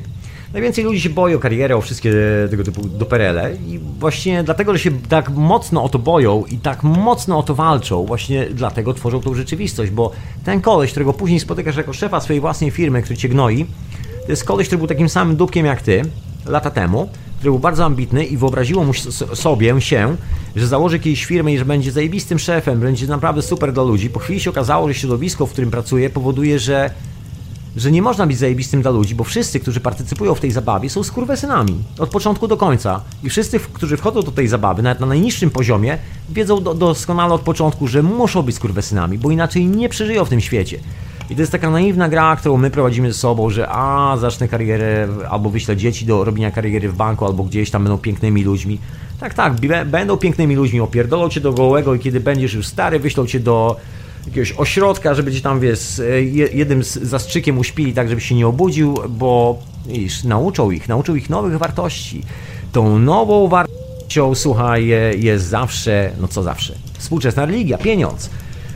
I tam wysyłamy swoje własne dzieci. To jest coś, co robimy nałogowo jako society. Powstaje nowy członek społeczeństwa, my wybieramy mu doktrinalną drogę. Będziesz policjantem, lekarzem, będziesz prawnikiem i tak dalej. To gówno nigdy nie umrze. My umrzemy, ale ty będziesz podtrzymywał ten pieprzony system i nie waż mi się, synu, palić tu jointów, bo nie będziesz mógł się nauczyć do szkoły i nie zapamiętasz, jak e, nie zapamiętasz dat z historii Polski.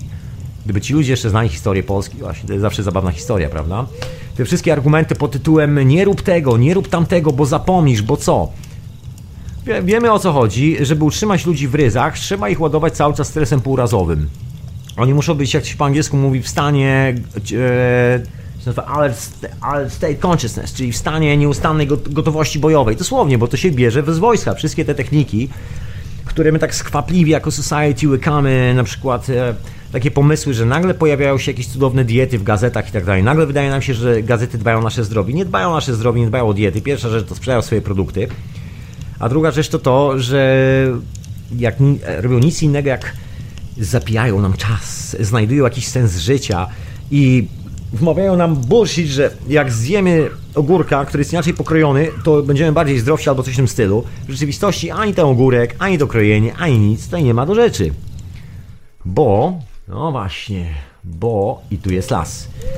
Bo taka ciekawostka, która ostatnio tutaj wyszła, nawet właśnie tak jak wspomniałem, gazeta Guardian o tym zdaje się napisała. Ludzie są wrakami psychicznie, jak się okazuje, bo tu co drugi chodzi do psychiatry, jest wrakiem psychicznym i e, pyta się swojego psychiatry, jak długo jeszcze wytrzymam, jak długo jeszcze wytrzymam, jak długo jeszcze wytrzymam. I tak jest spisywane w raportach medycznych, że ludzie wychodzą z pytaniami, że chcę się zabić, jak długo to wytrzymam, nie mogę już mówią, bo, mm, bo ludzie za mało śpią, jest deprawacja snu. Ludzie powinni więcej spać. Bo mało śpią, dużo pracują i wiesz, i tak dalej. Powinni więcej spać, nie powinni oglądać filmów wieczorami i tak dalej. Robi się kolejny trend, trend na nowe, zdrowe życie. A tu nie ma trendu na nowe, zdrowe życie, bo jeżeli twoja robota jest toksyczna i przez 8-10 godzin e, każdego dnia jesteś centralnie w dupie, to nawet jeżeli będziesz cudotwórcą przez kolejne 8 godzin, to ci nie pomoże, bo jedna trzecia twojego życia jest po prostu out. I to jest tak, jakbyś sobie odciął jedną rękę, wierząc, że za pomocą dwóch nóg i tej jednej ręki sobie wyhaftujesz z nitki i drucika tą brakującą rękę, jak będzie potrzeba. Bo wiesz, bo po prostu zniknęła, nie? Po prostu nie, nie ma. I to jest dokładnie taka historia. Zabawna, zabawna rzecz, jak to sami sobie robimy nieustannie bubu. Jednym z takich chyba głównych powodów jest na przykład e, nasz nieustanny strach przed tym, że ktoś odkryje, co mamy, co mamy kurde w głowie. To też jest w ogóle taka ciekawostka. No ale jest to związane z tą kwestią ambicyjną. Że widzisz, człowiek, który stara się o dobrą posadę, stara się, wiesz, o dobre życie, nie może budzić wątpliwości. Nie może. No sam w sobie nie może budzić wątpliwości, bo przecież co było, gdyby w momencie, kiedy kogoś okrada, się zawahał. W tym momencie ta ręka utkwiłaby w kieszeni, ktoś by złapał za tą rękę i wtedy wyszło na to, że on jest złodziejem. Tak, żeby robić te wszystkie wyskoki, trzeba być pewnym e, takim cwaniakiem, raczej bardzo pewnym cwaniakiem. I to jest coś, co się wydarzyło całemu społeczeństwu. Całe społeczeństwo postanowiło być cwaniakiem.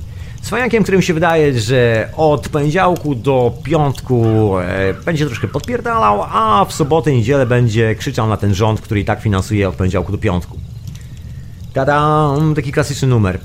Pierw głosuje na jedną, później na drugą, później na trzecią, a później, później znowu jest lustrowany, został bankrutem, wyrzucili go z domu, kredyt we frankach jest już nie do spłacenia, ale co tam, pójdę, zagłosuję jeszcze raz. Ci z kolei zmienią mi kredyt na większy. No i to jest dokładnie taka zabawa. I w takim świecie, pełnym dosłownie, pełnym świrów, którzy właściwie no, no nic już nie potrafią. No bo co taki koleś potrafi poza włączeniem pilota do telewizora, włączeniem sobie laptopa, odebraniem mnie maila na Facebooku i zrobieniem kogoś w chuja za przeproszeniem na kasę w papierach, jeżeli się tego nauczy. Tylko tyle potrafi. Ale co ci ludzie potrafią, jak nic nie potrafią? Jako w ogóle jakiegokolwiek standardu wiesz, życiowego. Tam nie ma żadnych umiejętności. Tam nie ma nic.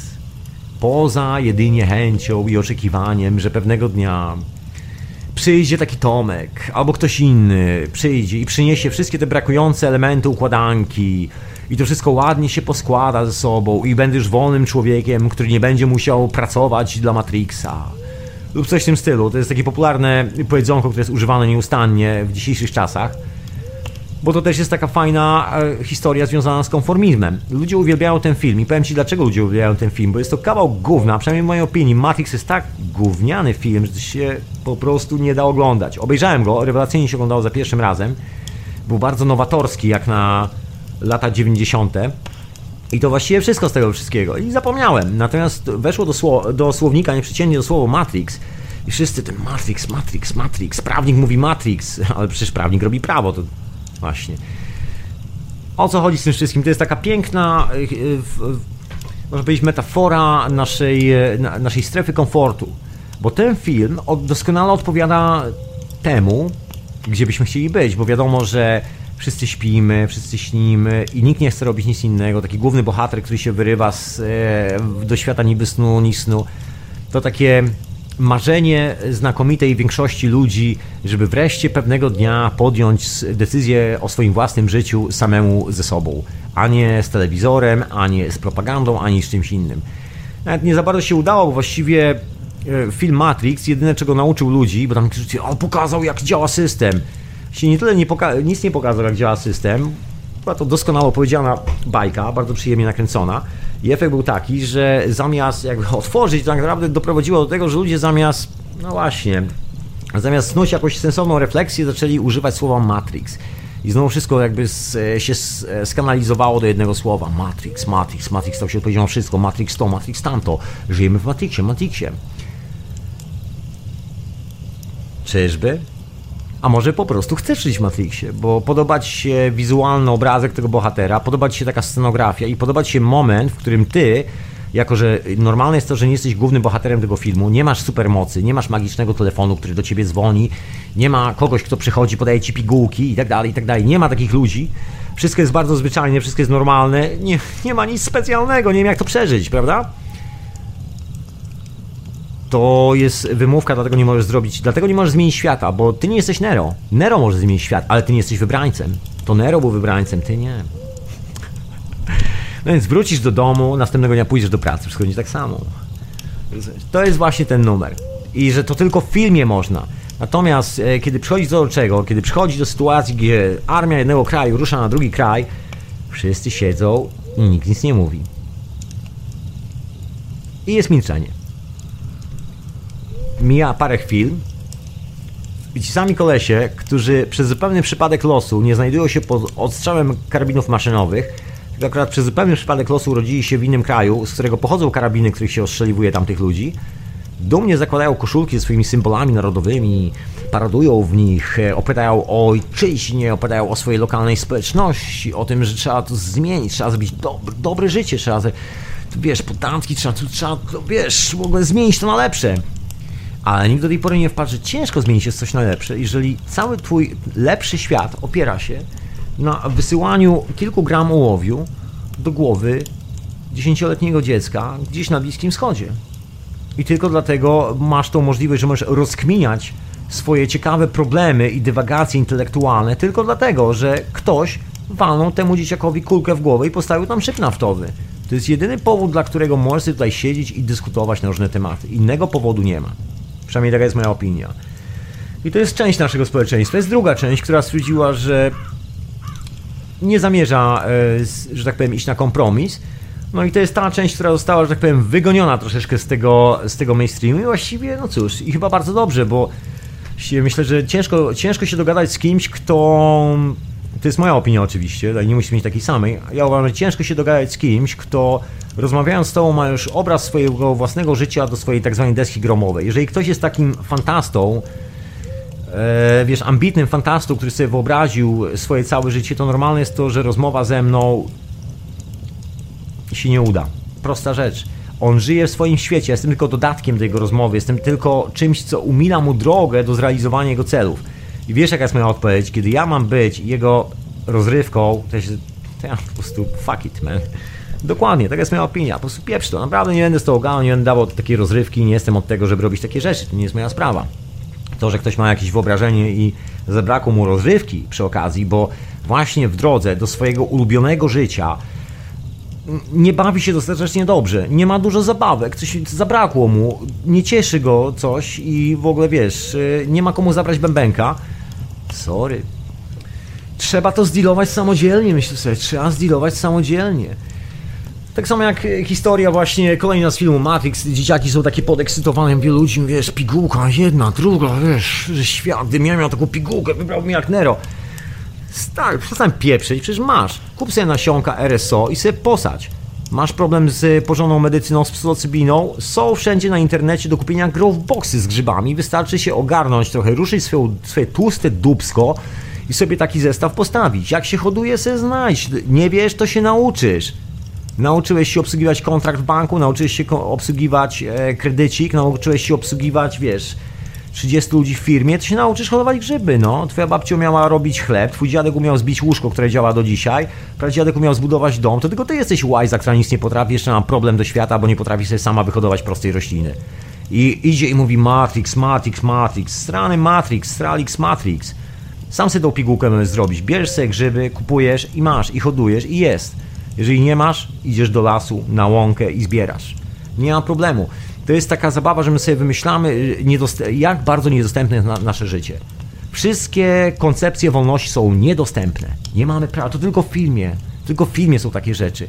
Natomiast kiedy masz to przed oczami, możesz to zrobić, możesz to złapać, wtedy się okazuje, nie, nie, nie, nie, nie, nie, nie, nie, nie widzę tego. I to jest moment, kiedy pomyślałbyś, zdrowy, rozsądny człowiek, który ma mózg, patrzy się na białą kartkę i mówi, ta kartka jest czarna ale przecież jest biała. Nie, nie, nie, nie, jest, jest czarna, jest czarna. I to jest dokładnie ten problem. To nie jest problem świata, to jest problem nas indywidualnie, problem tego, co chcemy zauważać. Albo chcemy naprawdę dogonić czerwony samochodzik, albo chcemy znaleźć własnych siebie w sobie. Ja myślę, że nie ma opcji po środku. Jest kilku frajerów, którzy sprzedają za grubą kasę warsztaty, ale to widzisz, jak ktoś ci sprzedaje taką wiedzę za kasę, no to wiadomo, że sam zbiera na czerwony samochodzik. Gdyby już go miał, to by nie zbierał, nie? No i oni ci mówią, że zbieranie na czerwony samochodzik i bycie, wiesz, i to jest okej. To naprawdę sens życia. Słuchaj, ty musisz to pokochać, wiesz, e, musisz jakąś medytację zrobić, wiesz, pieniądze, pieniążki muszą przyjść, wiesz, jakieś takie sprawy, wiesz, wszystkie takie historie. Śmieszne, prawda? Naprawdę idiotyczne. Ja się zastanawiam, kto tu jest większym kretynem.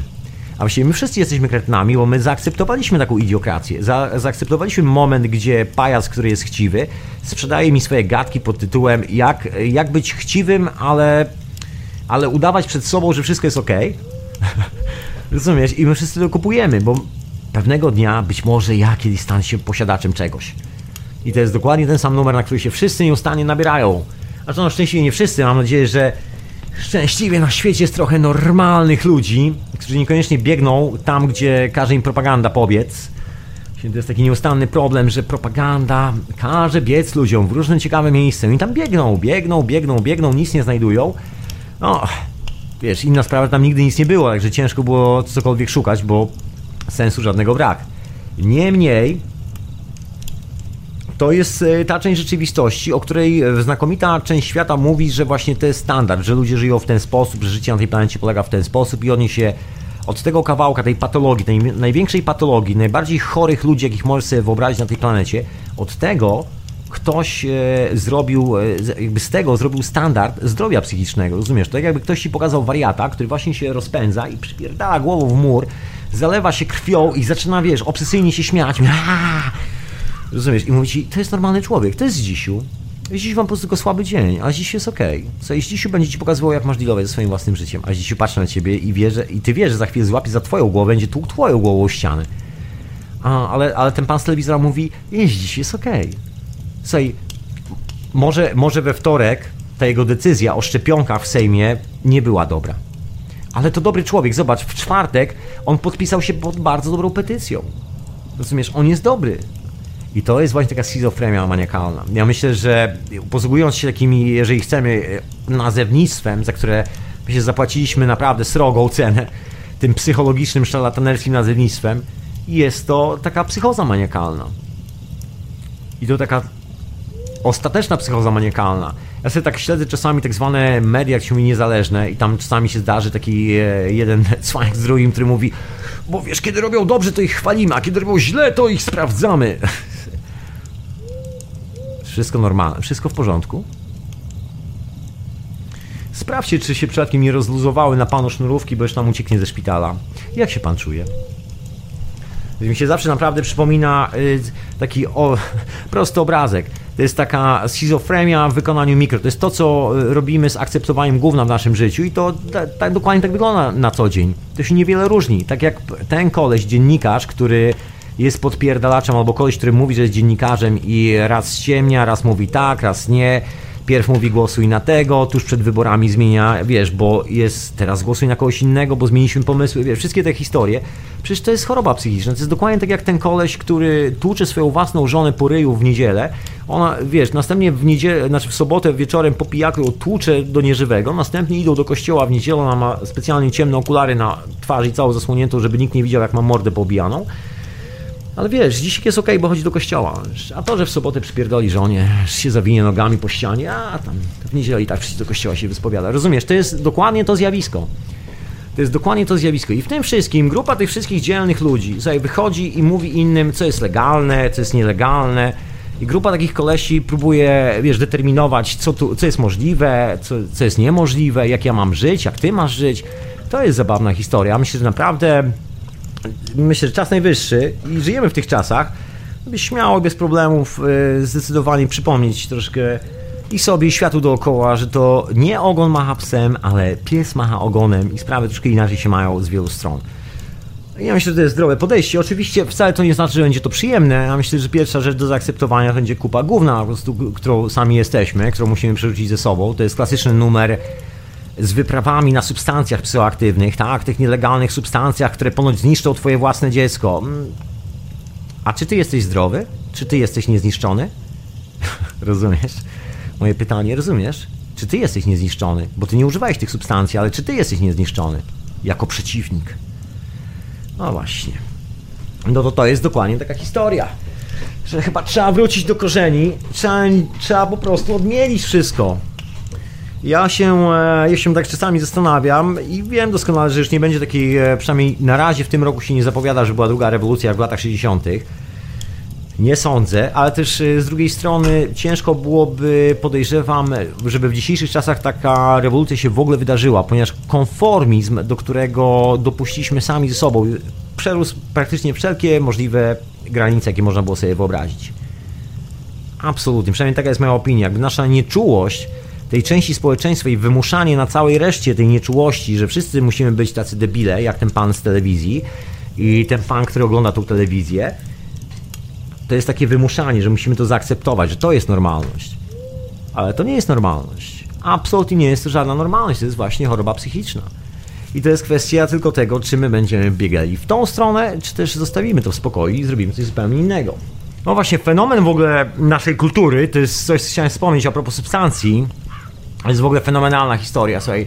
Praktycznie każdy aspekt naszej, to co nazywamy kulturą, nawet w definicji, że jest to nasza aktywność intelektualna jako taka, pisanie książek, robienie muzyki, malowanie obrazów, cokolwiek, jest związana z czymś zupełnie innym, jest związana z zupełnie innym sposobem życia. Wszystkie te praktycznie najlepsze kawałki, na numery masz tylko dlatego, że kolesie, którzy je zrobili, zrobili je praktycznie kompletnie nielegalnie. Gdyby ktokolwiek z nich próbował zrobić cokolwiek legalnie, tego by, to to nigdy by nie powstało, rozumiesz? Nie ma takiej opcji. To są wszystko rzeczy zrobione tylko dlatego, że człowiek, który to robił, zanegował sposób, w jaki żyje society, że ma to w dupie i robi to wszystko po swojemu, tak jak on to czuje, a nie tak jak czują to panowie z radia i telewizora oraz gazety. Rozumiesz? Prosta historia. Tadam! Wielkie odkrycie życia. To tak jak z tą pigułką, wiesz. Młodzież marzy o tym, żeby znaleźć się e, w opcji wyboru i e, zmiany systemu. Poważnie, słuchaj, poznałem naprawdę sporo ludzi i usłyszałem już tyle tekstów pod tytułem, że gdybym mógł zmienić ten system, od razu zmienił, wiesz, Turzo, to w ogóle. A jak się patrzy... Robiłeś kiedyś grzyby? Co? No grzyby robiłeś. Znaczy robiłem... Co, o czym mówię? Jakie grzyby? Znaczy, co, prawdziwki? nie. Z psylocybiną. LSD. Nie, co ty, przecież to narkotyki. Aha. To może powinieneś e, zacząć od tego samego początku. Od tego początku, kim tu jesteś. Bo jeżeli...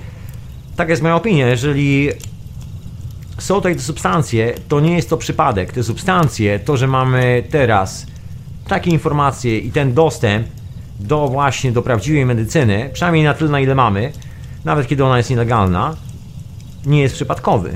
Wszystko się dzieje dlatego, że człowiek już kompletnie zwariował. Indianie Hopi mają taką, moim zdaniem, najcenniejszą przepowiednię. Ja akurat e, zupełnie sobie nie cenię współczesnych wróży, wszystkich tych Edgarów Casey, to się raczej śmieję i podśmiewam bardziej niż, niż e, cokolwiek bym ich miał kiedykolwiek cytować w czymkolwiek. Ale Indianie Hopi to zupełnie inna sprawa. Starsi bracia dawno temu powiedzieli, że jest taki moment, że będzie taki moment w historii planety, że jeżeli człowiek zwariuje i się nie ogarnie, to będzie ciężko. A jeżeli nie zwariuje, znaczy jeżeli, jeżeli nie zwariuje i się ogarnie, to będzie ok. Ale wygląda na to, że człowiek się nie ogarnie i nadejdzie czas szaleństwa i to będzie duża zmiana na Ziemi. No i to jest dokładnie to, co przewidzieli Indianie Hopi. To jest dokładnie to szaleństwo szaleństwo, które powoduje, że ludzie na Florydzie, słuchaj, nie martwią się, nie zadają sobie tego pytania, tego fundamentalnego pytania, gdzie ja do jasnej anielki mieszkam, jak to jest możliwe, żeby w sytuacji, gdzie prądu jest w cholerę, ja musiał, wiesz, no, umierać z głodu, nie wiadomo co, tutaj żyć e, bez prądu, tylko dlatego, właśnie, czy dlatego, ale ludzie się na tym nie zastanawiają, nie zrobią żadnej rebelii, słuchaj, spokojnie pójdą do pracy, będą czekali, aż pojawi się z powrotem praca, żeby mogli, żeby mogli właśnie zarobić na ten kredyt. No właśnie, no właśnie, zarobić i, i żeby to mogło dalej trwać. Jak się okazuje, wielkie wstrząsy w historii cywilizacji niekoniecznie oznaczają wielkie wstrząsy intelektualne. W większości dowiadujemy się tylko i wyłącznie e, kilku rzeczy o samych sobie to, czego dowiadujemy się teraz jako cywilizacja o sobie, to to, że znakomita część z nas już naprawdę jest kompletnie out of space. Już nic nie kuma, to są tylko takie robociki biegnące za banknotem. Możesz sobie przyczepić banknot i iść po ulicy i zobaczyć, jakiś szlaczek ludzi za tobą zacznie chodzić. To wszystko, cała historia. I do tego się to wszystko sprowadziło, że właściwie mamy już czynienia z bandą e, samobójczych wariatów, którzy zaproponowali każdemu samobójczy deal. Żryj nasze tabletki, żryj nasze prochy, stresuj się, żyj takim życiem, które cię wykończy. Będziesz miał czerwony samochód, który jest cholernie toksyczny, ale wszyscy będą bili brawo na jego widok i będą podziwiali ciebie, bo ty zarobiłeś na ten samochód, rozumiesz? I wszystkie tego typu historie. I to są między innymi rozmowy, które ja czasami zdarzyło mi się prowadziłem ze swoją mamą na temat właśnie ambicji. Że pytałem, czy, czy kolor samochodu czyni ją szczęśliwą. Czy marka samochodu czyni cię szczęśliwa? Czy to jest coś bardzo ważnego dla ciebie? Czy dom, w którym mieszkasz jest już tak ważny? I czy ważne jest to, jak sąsiedzi z tobą rozmawiają? Czy jak, jaki masz status społeczny? Co jest tak naprawdę dla ciebie ważne? I na końcu jest zawsze to pytanie, no dobra, a jak ważni są dla ciebie ludzie? Tak zwyczajnie, tak po prostu żywe istoty dookoła. I to jest zawsze takie bardzo y, drażniące pytanie, bo wiesz, po tej całej serii, gdzie jedni mają biegunkę na punkcie, wiesz, swojej własnej przyszłości tu, jedni tam, jedni stram.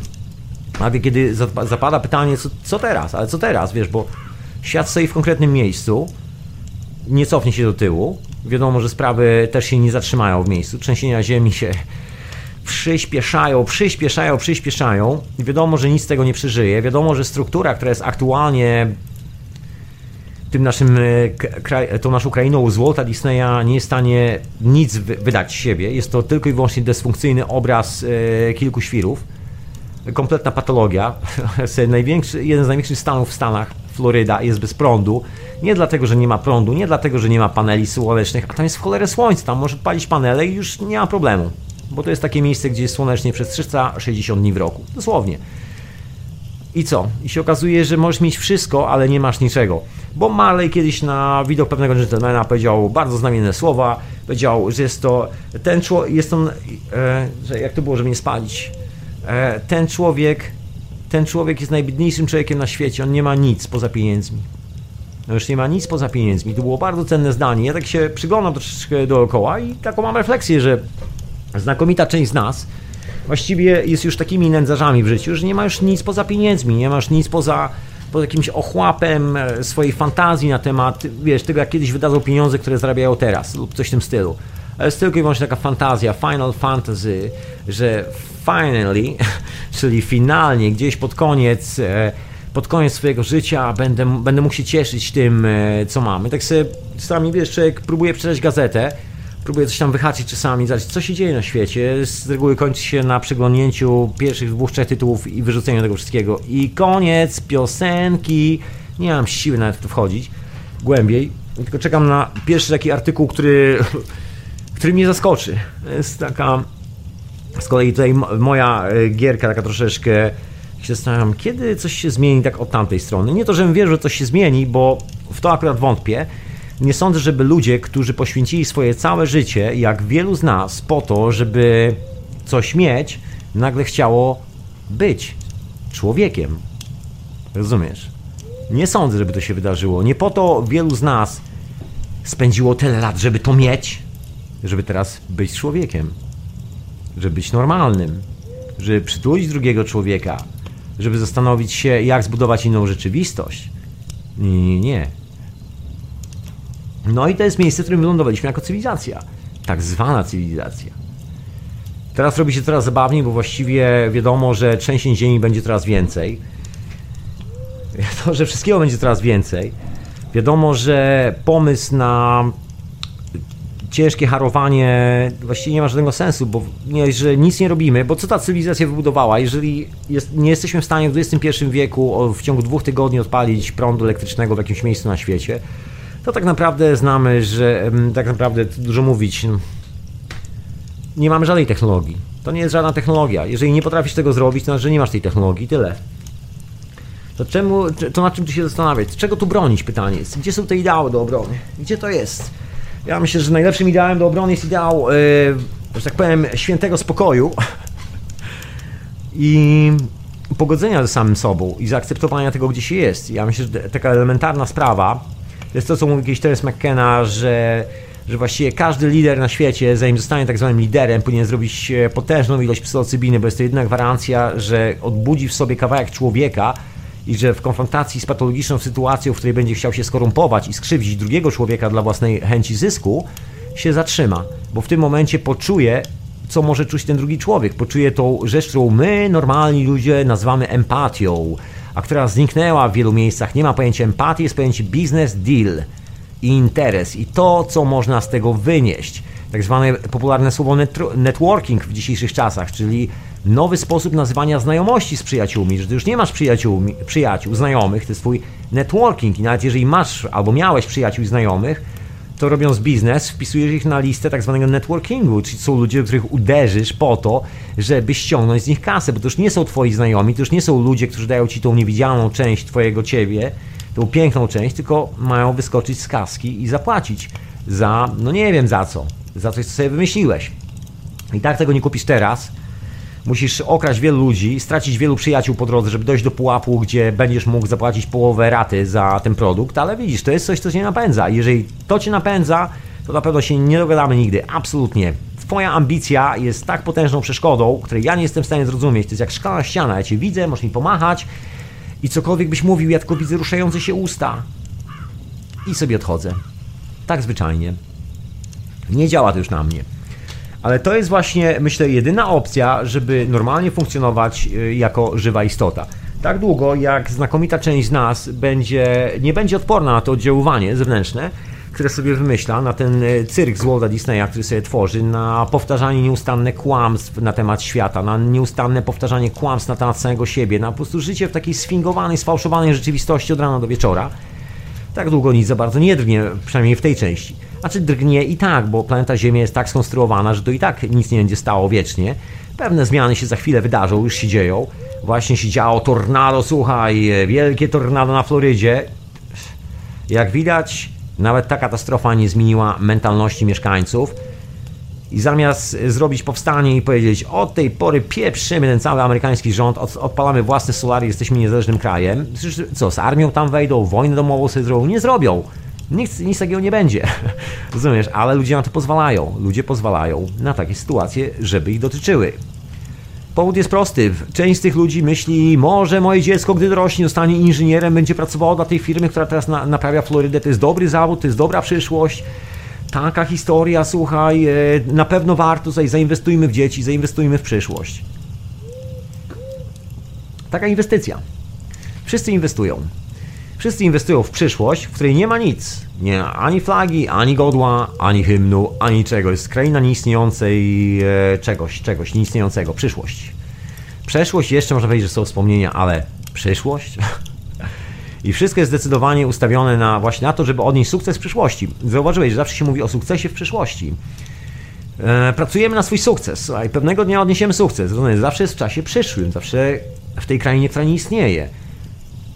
Ciekawe. To też wiele świadczy o zdrowiu psychicznym ludzi, którzy wypowiadają takie zdania, bo no, łatwo się zastanowić, gdzie ten człowiek żyje. Łatwo, łatwo zrozumieć jego naturę, łatwo go odkryć, że tak powiem. I no cóż, w moim przypadku jest to dosyć kon, kon, konstruktywna konkluzja, yy, która się pojawia, która mówi mi, człowieku, nie rób nic yy, za bardzo in, intensywnego z tym człowiekiem, czegokolwiek, nie rób raczej nic z tym człowiekiem, bo bo jest wariatem i tak samo jak sprzedaje samego siebie jak tanią dziwkę, tak samo sprzeda ciebie i wszystkich swoich przyjaciół jak tanią dziwkę.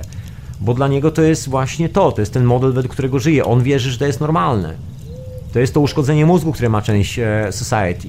To jest to, że w poniedziałek mówisz jedno, we wtorek mówisz drugie. Wiesz, to jest to, moim zdaniem, to największe szaleństwo tak zwanych kręgów, e, tak zwanych niezależnych, czy to w Polsce, no głównie w Polsce, które na przykład stanęły potężną opozycją w stosunku do naturalnej medycyny.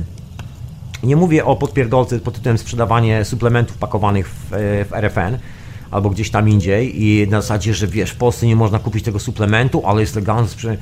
Nie mówię o tej medycynie, która jest legalna, mówię o tej prawdziwej medycynie, o tej, która zmienia naszą percepcję. I jeszcze się nie spotkałem, żeby za bardzo jakikolwiek e, tak zwane środowiska, jak się mówi, wykonało jakąkolwiek akcję w tym kierunku z reguły polegał na tym, żeby o tym nie mówić, żeby zamilczeć ten temat, bo jeszcze sponsorzy nie przyjdą, bo jeszcze nikt się nie pojawi. I przede wszystkim jedna rzecz, jest to po raz kolejny e, taka stopa włożona drzew, e, pomiędzy drzwi a futrynę, ponieważ naturalna medycyna pod tytułem psylocybina, LSD, ayahuasca i tak stawia człowieka na nogi szybciutko. i stawia go permanentnie. I tu jest konflikt interesów, bo jeżeli cała niezależność sprowadza się do tego, że wychodzi jakiś pajac, któremu masz zapłacić pieniądze, on ci mówi jak masz żyć i to jest tak zwany warsztat, rozumiesz, za grubą kasę i cała ta niezależność polega na tym, że ty chodzisz od warsztatu do warsztatu, robiąc z siebie coraz większego głupka, z coraz bardziej pustą kieszenią, to taki jest dosyć słaby numer. Ale to jest właśnie zgoda na tą zabawę. Także te tak zwane środowiska niezależne, zależne i tak dalej. To jest dalej ta sama zabawa. Jedni się bawią wchodzenie do kościoła, inni się bawią wchodzenie na wybory, inni się bawią wchodzenie na warsztaty. Żaden z nich nie chce dotknąć prawdy o samym sobie.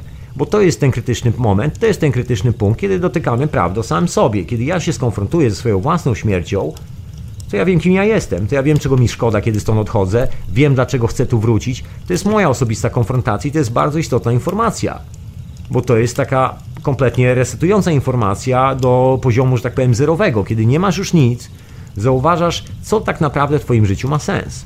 I moim zdaniem jest to w ogóle e, nieodłączne zjawisko, które powinno towarzyszyć i spotkać każdego z nas. I tu w ogóle nie ma dyskusji na ten temat. Nie mówię o tym, żeby ktokolwiek ucierpiał z tego powodu, bo nie ma tu żadnego cierpienia, absolutnie. Jest to kwestia dostrzeżenia tego, że nasz fakt egzystencji na tej planecie nie jest tylko i wyłącznie po to, żeby jakiś pajac mógł sobie, nie wiem, wybudować teologię na mój temat, albo wiesz, cokolwiek by to nie było, czy to jest teologia czerwonego samochodzika sportowego, czy to jest teologia wiesz, warsztatów i wiesz, czekramu wawelskiego, czy jakiegoś innego pierdu, rozumiesz, to naprawdę nie jest istotne. Zasada jest prosta.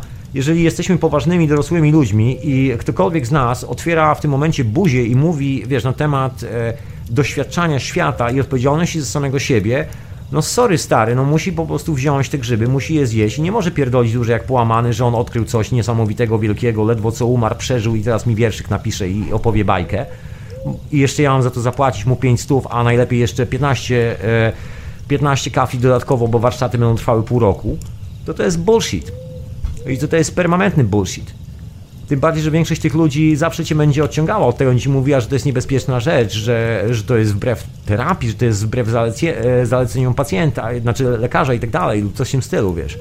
To tak jak współczesna medycyna, która mówi ci, że powinieneś iść na chemioterapię, bo wszystkie inne terapie nie pomogą. Jak się okazuje, wszystkie stawiają na nogi za wyjątkiem chemioterapii, bo tam akurat śmiertelność wynosi 97%, y, stosunkowo mało, tak?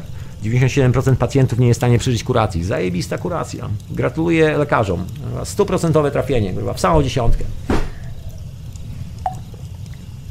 Dobrze, że jeszcze dziennikarz z gazety nie zdech na raka i jeszcze ma tyle bezczelności, skurwysyństwa w sobie, żeby pisać e, kłamstwa ludziom, że chemioterapia ratuje 70% przypadków, żeby ludzie szli i wywalali kasę, bo wiadomo, że chemioterapia kosztuje do pewnego momentu jest za darmo, a później płacisz z własnej kaski, z ubezpieczenia. Nie masz na ubezpieczenie, to masz mieszkanie. No to idziesz i zostawiasz ubezpieczenie, e, mieszkanie w banku pod ubezpieczenie.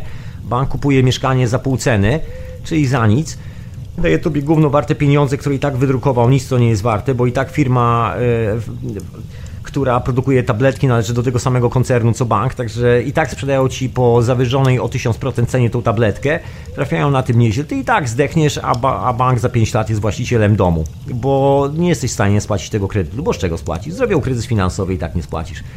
Prosta sprawa, jakby wszyscy się na to zgadzają, wiesz, ja pamiętam takie sytuacje, że ktoś ze znajomych został, wiesz, nie wiem, dziennikarzem, aktorem znanym i tak dalej, gdzieś tu mu się trafiło, wiesz, i o ile jeszcze był normalnym, wiesz, chłopakiem, normalną dziewczyną, która jeszcze miała olej w głowie i wiedziała, co robi w swoim własnym życiu, to moment, kiedy Wiesz, kiedy się okazało, że jest kariera do chwycenia za nogi, okazało się momentem, nie wiem, no, utraty mózgu permanentnego. Się okazało, że nagle już, wiesz, trzeba mieć troszkę, trzeba zmienić sposób myślenia o, świe o świecie. Trzeba zmienić opinię. Trzeba mieć wyważoną opinię trzeba mieć e, poprawne politycznie opinie, e, trzeba się raczej zgadzać niż myśleć. Bo to jest zaleta dzisiejszych czasów, zdaje się, tak? że ty musisz się zgodzić, e, raczej nie myśl, po prostu się zgódź na to wszystko.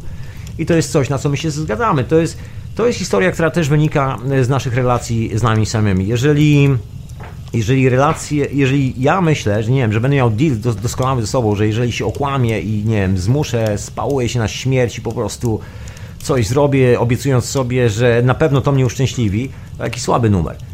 No i teraz przełożę, przekładając tą sytuację na ludzi dookoła, jeżeli wykorzystasz własnych znajomych do tego, żeby sobie podkręcić, że tak powiem, e, troszeczkę w portfelu, czy tam wiesz, gdzieś, e, gdzie indziej sobie podkręcić, bo wydaje ci się to łatwą opcją. Nie myśleć, nie zrobić nic samemu, tylko wesprzeć się, wiesz, wziąć od kogoś najlepiej. Nie robić nic, wziąć od kogoś. To jest taki klasyczny numer z... Ach, jest wiele, ale to może oszczędzę, bo tych przykładów można podawać w nieskończoność całą noc, a to nie o to chodzi. Tych przykładów każdy powinien chyba sobie sam e, rozpoznać, mieć taki syndrom rozpoznawania tego w własnym życiu, żeby nie utkwić. No i jest takie no, nieeleganckie słowo, co dużo mówić, nazywa się to skurwienie i jest to klasyczny numer, który właściwie każdy z nas do pewnego stopnia mniej lub bardziej robi, dzięki temu ta cywilizacja ma szansę przetrwać jeszcze troszkę dłużej i nie ma z tym żadnego problemu. Bank ma szansę przetrwać i nie ma z tym żadnego problemu, ponieważ o bank dbasz ty i cała twoja reszta sąsiadów. Natomiast czy twój sąsiad ma prawo przetrwać? Nie, nie ma. Powód jest prosty, nie dbasz o swojego sąsiada, masz go w dupie. Bardziej zależy ci na banku, do którego chodzisz. Taka jest prawda, gdyby było inaczej, sąsiad miałby większe fory w życiu niż twój bank, ale w rzeczywistości jest tak, że bank ma większe fory. Nie dlatego, że wiesz, że sąsiad jest gorszy albo coś tam, sam masz w dupie ten bank, wkurza cię, okrada cię, nagle się okazało, że jest złodziejem, ale kiedy były wybory, zapierdalałeś do tej urny stary w podskokach. I ty dziewczynko też zasuwałaś. I liczyłaś na to, że coś zmienisz. I to jest konsekwencja dokładnie tego całego cyrku. Wszyscy biegają, biegają, bawią się w tą zabawę, bawią, bawią, bawią, bawią, bawią, a na koniec lądują z chorobami psychicznymi i chorobami e, ciężkimi, nie do wyleczenia, próbując się zabawić jeszcze z lekarzem przy okazji sprzedanie swojego własnego domu i zrobienie jeszcze lepszego dodatkowego interesu. Rozumiesz? To są takie proste historie. Proste historie, z, e, o których nawet szkoda mówić czasami.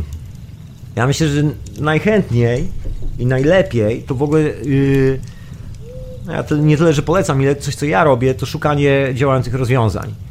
Fenomenem dla mnie aktualnie, na taką skalę globalną, jest technologia cache. To jest po prostu fenomen. To jest tak mordercza, w sensie genialna technologia, która działa tak niesamowicie, że to jest szok.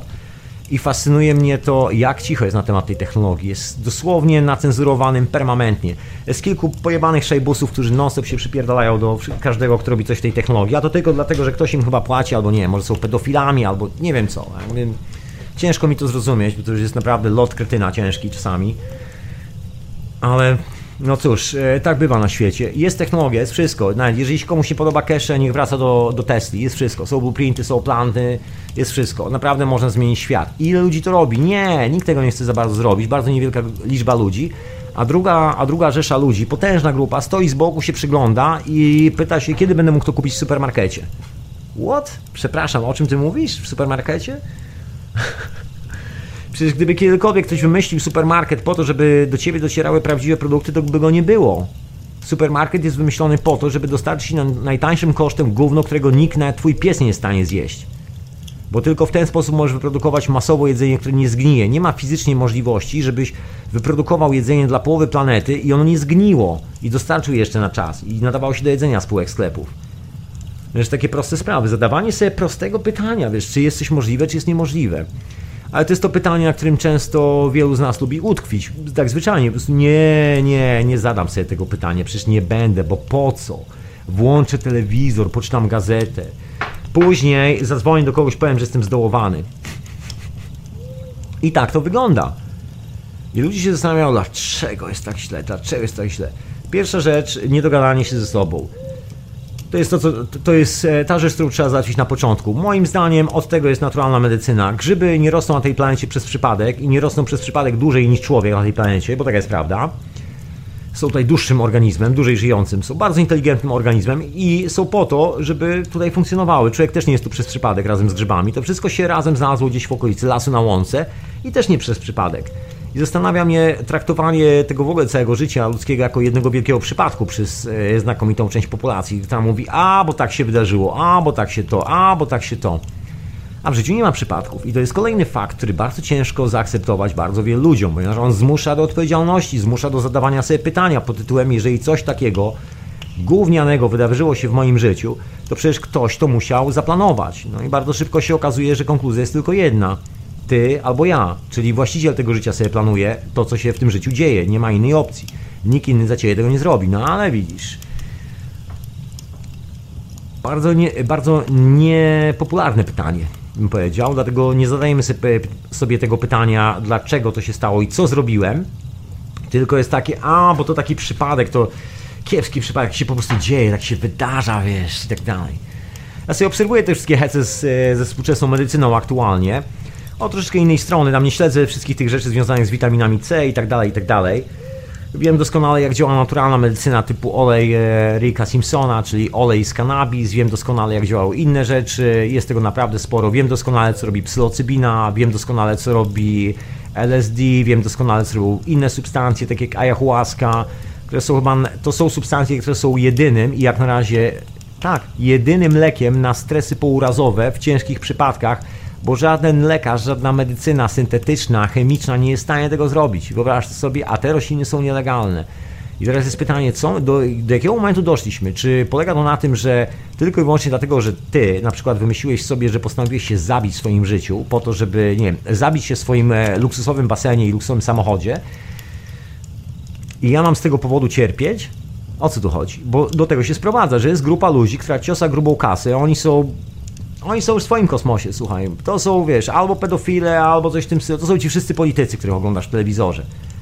I jeżeli masz telewizor i przekonujesz się za każdym razem, patrząc w ten telewizor, że tak właśnie powinno wyglądać i pierzesz sobie mózg codziennie, codziennie, codziennie przyzwyczajasz się do tej sytuacji. I teraz pytanie do 100 punktów, czy ty naprawdę wierzysz, że ten facet, ten facet w telewizji, który kłamie w żywe oczy, kawał syna, słuchaj, Złodziej, wiesz o tym, ma kilka wyroków, wszyscy o tym wiedzą, prokurator go nie ruszy, bo jest tym samym złodziejem co on. A ty idziesz i głosujesz na niego. A ty idziesz i oglądasz to, co on mówi, a ty idziesz i dyskutujesz jego słowa, a ty idziesz i robisz mu propagandę. A później siadasz w domu i dziwisz się, jejku, świat mi się zawalił na głowę. Nie, nie, nie, kolego. Świat się nie zawalił, tylko twoja głowa się zawaliła. Bo zamiast wybrać się jak przodkowie, przynajmniej dwa razy w roku na solidny reset, wziąć psylocybinę, jak dorosły, dojrzały człowiek zmierzyć się z własnym obrazem samego siebie, tego kim się jest i kim się nie jest, ty biegniesz po flaszkę do sklepu, łoisz flaszkę z kumplami, włączasz telewizor i, i już ci odpierdala za przeproszeniem. No, excuse me my friend, dzisiaj strasznie klę w ogóle w tym radiu. No ale cóż, e, czasami i ja użyję stajennego języka, a co? Mi też można używać tego języka, każdemu zresztą. Anyway, prosta historia. Dopóki, e, dopóki my sami nie zmienimy tego w sobie, dopóki my sami nie wyrzucimy tej koncepcji, którą ktoś nam, właściwie nie ktoś, tylko sami sobie narzuciliśmy, że jesteśmy zlimitowanym do jakiejś tam e, roli obsługi, wiesz, kilku kółek zębatych mechanizmem na tym świecie, to do tego momentu nic się nie zmieni. Do tego momentu wszystkie wizje na temat wolności będą tylko i wyłącznie wizjami, jakimi iluzjami, jakiegoś dzieciaka, który sobie obejrzał film Matrix e, w kinie wiesz, wow, wow, do końca życia nie może wyjść e, wyjść z tego schematu i wiesz, wszystko jest Matrix, o Matrix, ma, Neo, Matrix tu, wo, Matrix tu, Matrix tam, Matrix sram, wiesz. Książki nie przeczyta, nic nie zrobi, zawsze będzie siedział i już będzie niewolnikiem tego Matrixa. Do końca życia niewolnikiem cudzego konceptu na rzeczywistość. Niech wstanie, zrobi sobie grzyby i po zrobieniu sobie grzybów, psylocybiny, czy dobrego LSD, czy dobrej medycyny naturalnej, nagle odkryje, jak gównianą, słabą i żałosną wyobraźnią dysponują ludzie z Hollywood. Że ten cały Matrix, ta opowieść, to naprawdę jest takie, wiesz co, żeby to chociaż jeszcze był jakiś pomysł. Żeby to chociaż był jakiś kontekst w tym.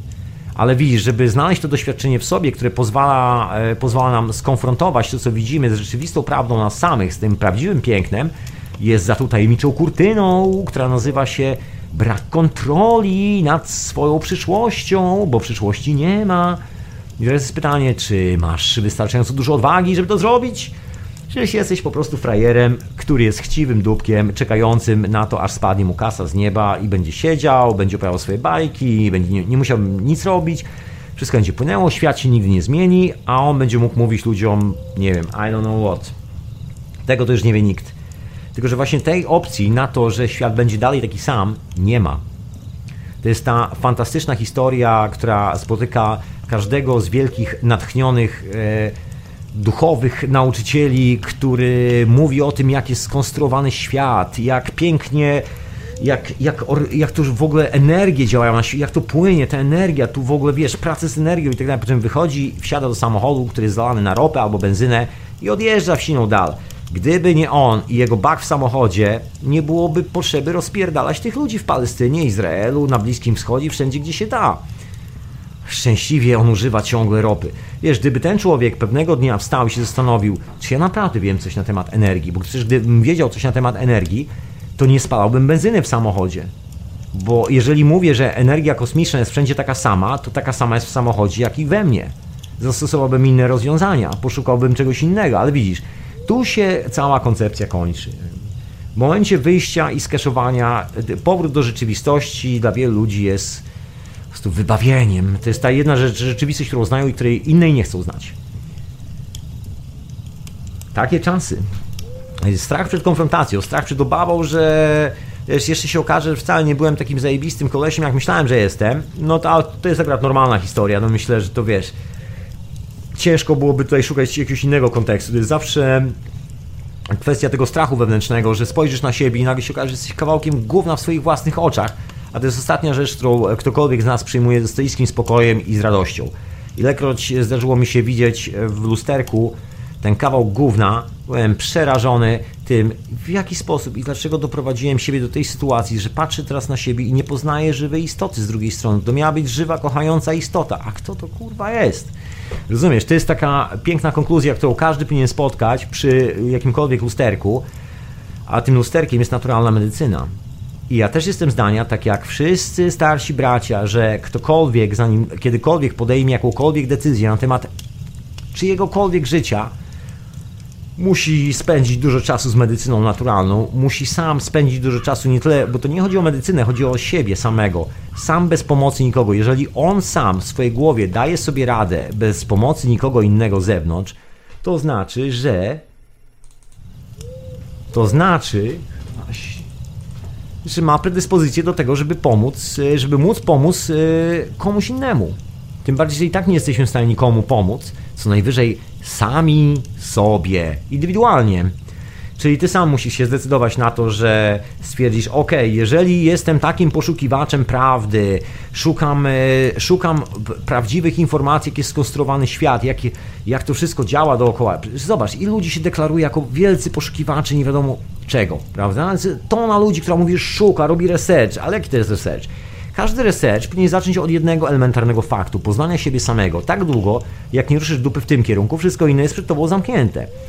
Każdy człowiek, który cokolwiek odkrył w życiu, coś, czego używamy na co dzień, co jest częścią naszej codzienności, jeżeli sobie poczytasz i posprawdzasz, to dowiesz się bardzo szybko, że tak naprawdę to było właśnie mechanizmem, który stał za pojawieniem się tego urządzenia czy tego odkrycia. Chęć poznania samego siebie. Facet, który szedł odkrywać, e, że tak powiem, DNA, nie zastanawiał się na tym, jak jest zbudowane DNA, ale poszedł na LSD i tam dowiedział się, kim on jest. I zobaczył swój własny kod DNA, można powiedzieć. Gdyby nie to, gdyby nie zajrzał w siebie, dalej byś być może jak e, jak e, administracja amerykańska wierzył, że miejsce urodzenia, długość Twoich uszu i mm, kolor Twojego paszportu świadczy o Twojej wrodzonej inteligencji i nazywa się to eugenika, dlatego ludzie z Europy Wschodniej muszą mieć wizy do Stanów Zjednoczonych, ponieważ e, genetycznie są głupi. To jest oficjalne stanowisko. O czym oczywiście nikt nie mówi, bo mowa jest o wizach, o jakiś tam ale wszyscy doskonale wiedzą, że to jest rzeczywista doktryna polityki Stanów Zjednoczonych wizowa. To jest e, eudegenika i ta doktryna powstała lata temu i tylko dlatego, że tamci ludzie, mijający się światłymi ludźmi, rozumiesz, twierdzą, że ci, którzy mieszkają w innym miejscu Europy są głupi, bo mają inny rozmiar nosa, buta i kolor oczu i to ich dyskwalifikuje jako inteligentnych ludzi, dlatego ich nie wpuszczą normalnie do swojego kraju. Wpuszczą tylko najtańszą siłę roboczą, która nie będzie, wiesz, marudziła na kiepskie warunki pracy i będzie nadawała się do doskonałej pracy na farmie jako niewolnicy. I to jest coś, na co my się zgadzamy. Zgadzamy się na, wiesz, na samych siebie w tej sytuacji. I to jest chyba największa tragedia rodzaju ludzkiego w dzisiejszych czasach. Że my sami się zgodziliśmy na to, jacy jesteśmy w tym momencie, jak organizujemy swoje życie, jak organizujemy swoje society, jak organizujemy swoje szczęście. Tak sobie to zrobiliśmy i naprawdę pokracznie wygląda w dzisiejszych czasach jakakolwiek próba kogokolwiek, kto wychodzi i mówi, bo mi się nie podoba i ja uważam, że powinniśmy założyć partię polityczną, zmienić to, sram to i owam to. Mi się zawsze bardzo chce śmiać i uważam, że jest to żałosny obraz jeszcze większego zgłupienia i zdebilenia, jakie można sobie wyobrazić. Bo to jest dokładnie zaproszenie do tej zabawy. To jest, to jest e, zabawa pod tym, jak zrobić jeszcze większą patologię w już istniejącej. Zro, założymy nowy zespół partii politycznych, założymy nowe przepisy, do, dopiszemy nowe paragrafy zmienimy prawo na jeszcze inne. Jest taka iluzja, że jak zmienisz przepis na inny, to będzie bardziej ludzki. Ja się zapytam, a może nie potrzebujesz tego przepisu? Skąd się wziął przepis? Zastanów się, skąd jest ten przepis i co on oznacza. No ale to jeszcze trzeba się zastanowić. To jest właśnie taka najtrudniejsza decyzja, żeby wziąć i się zastanowić. No i to jest, wiesz, kwestia z tak zwaną konsekwencją, która jest e, słowem, które wyparowało, podejrzewam, ostatnio z, z wielu miejsc na świecie. Tak zwana konsekwencja. O to już e, o mediach to już nawet nie będę mówił, bo to jest, jest to bardzo zabawne, kiedy słyszysz faceta, który próbuje ci wkręcić jakąś historię, a numer polega na tym, że sam nie zrobił żadnego research na ten temat i że to, co on mówi, czy zależny, czy niezależny, czy jakikolwiek, słuchaj, naprawdę nie gra roli, czy to jest telewizja polska, czy, czy jakiś kanał YouTube, gdzie chłopcy krzyczą przeciwko, wiesz, NWO i tak dalej, i tak dalej, gdzieś tam ktoś tam, wiesz, że reptyliany i tak dalej. To naprawdę nie gra roli, to nie jest istotne, wszędzie jest ta sama zasada. Albo stukniesz się, że tak powiem, do siebie samego i zrozumiesz, że to się zmienia od tego momentu, albo nie. Ja nie sądzę, żeby ktokolwiek z tych tak zwanych alternatywnych e, kolesi cokolwiek zrobił. Sobie mam masę znajomych, którzy są tak zwanymi, może być, alternatywnymi dziennikarzami, jak łatwo się domyślić. Część z nich tutaj tam się przewijała przez to radio, się gdzieś tam e, po boku pojawili. Część trochę dłużej, część krócej. Słuchaj, i wielu z tych ludzi nie, dalej nie kuma, że mają wolną energię, że mogą sobie zrobić urządzenie, że nic ich to nie kosztuje, rozumiesz, opowiadają niesamowite bzdury, niesamowite bajki o tym, wiesz, i w ogóle pouczają wszystkich, tak a sami nic nie zrobili do, dookoła siebie. Sami potrafią, wiesz, uwalić piękny pomysł tylko dlatego, że, wiesz, im się nie chce nic robić. To jest właśnie ta strefa komfortu. Bo właściwie jak się przyjrzysz całej tej sprawie, to się sprowadza do yy, właściwie bardzo prostej kategorii. Są ludzie, którzy robią i mają efekty i są ludzie, którzy nic nie robią i efektów nie mają. I to jest dokładnie z naszym myśleniem, że albo coś robisz w głowie sam ze sobą i masz efekty tego w postaci świata dookoła siebie, albo nie robisz tego w swojej głowie, albo robisz coś innego i też masz efekty tego innego, bo zawsze coś robisz, taka jest prawda. Jeżeli robisz w głowie taki świat, jaki jest na zewnątrz, to nie dziw się, że jest tak jak na zewnątrz. Nie, nie ma czemu się dziwić, że nie ma cudownych rozwiązań, które czekają na nas w supermarketach. Bo jakie głowy chodzą do tych supermarketów? Co te głowy miałyby tam zrobić w tych supermarketach? Jak zmienić atmosferę? Przecież nie zmienią. To dalej jest na etapie rozrywki. Podrzuć mi nowy, ciekawy temat, słuchaj, zabaw mnie tutaj przez parę chwil, bo mi się znudziło już oglądanie telewizji, to sobie wymyślimy poza zależnymi niezależne telewizje, a później sobie wymyślimy niezależne radia, a później sobie wymyślimy niezależne gazety. Po prostu zabawa, zabaw mnie. A później wrócimy do tych e, zależnych, bo już nam się przejadły to nie takie kółko. Zabaw mnie. Niech ja się pobawię, niech ja mam co oglądać to mnie znudziło, to poglądam coś nowego. Rozumiesz? To jest ciągle z punktu widzenia oglądacza. To nigdy nie jest z punktu widzenia człowieka, który wchodzi w rzeczywistość, bierze młotek, gwoździa, wbija deski, coś konkretnego robi. To są zawsze numery pod tytułem podpierdolka. Usiądź, poczekaj, obejrzyj. Za chwilę wychodzi nowy produkt, już jest y, na wszystkich półkach w sklepie, możesz go kupić. Ale gdybyś miał coś sam robić, lepiej tego nie rób, lepiej tego. Usiądź, poglądaj reklamy, słuchaj, mo mogą ci się nie podobać Możesz na nas krzyczeć. Załóż serwis przeciwko nowemu porządkowi świata i umieść tam reklamy. Sobie będziesz zarabiał na tym, że jesteś przeciwko nowemu porządkowi świata. Wow, fantastyczna wizja, prawda? Możesz być za i przeciw w jednym, słuchaj. Możesz kontestować i na tym zarabiać, wiesz. Fenomenalna historia. Piękne czasy, prawda?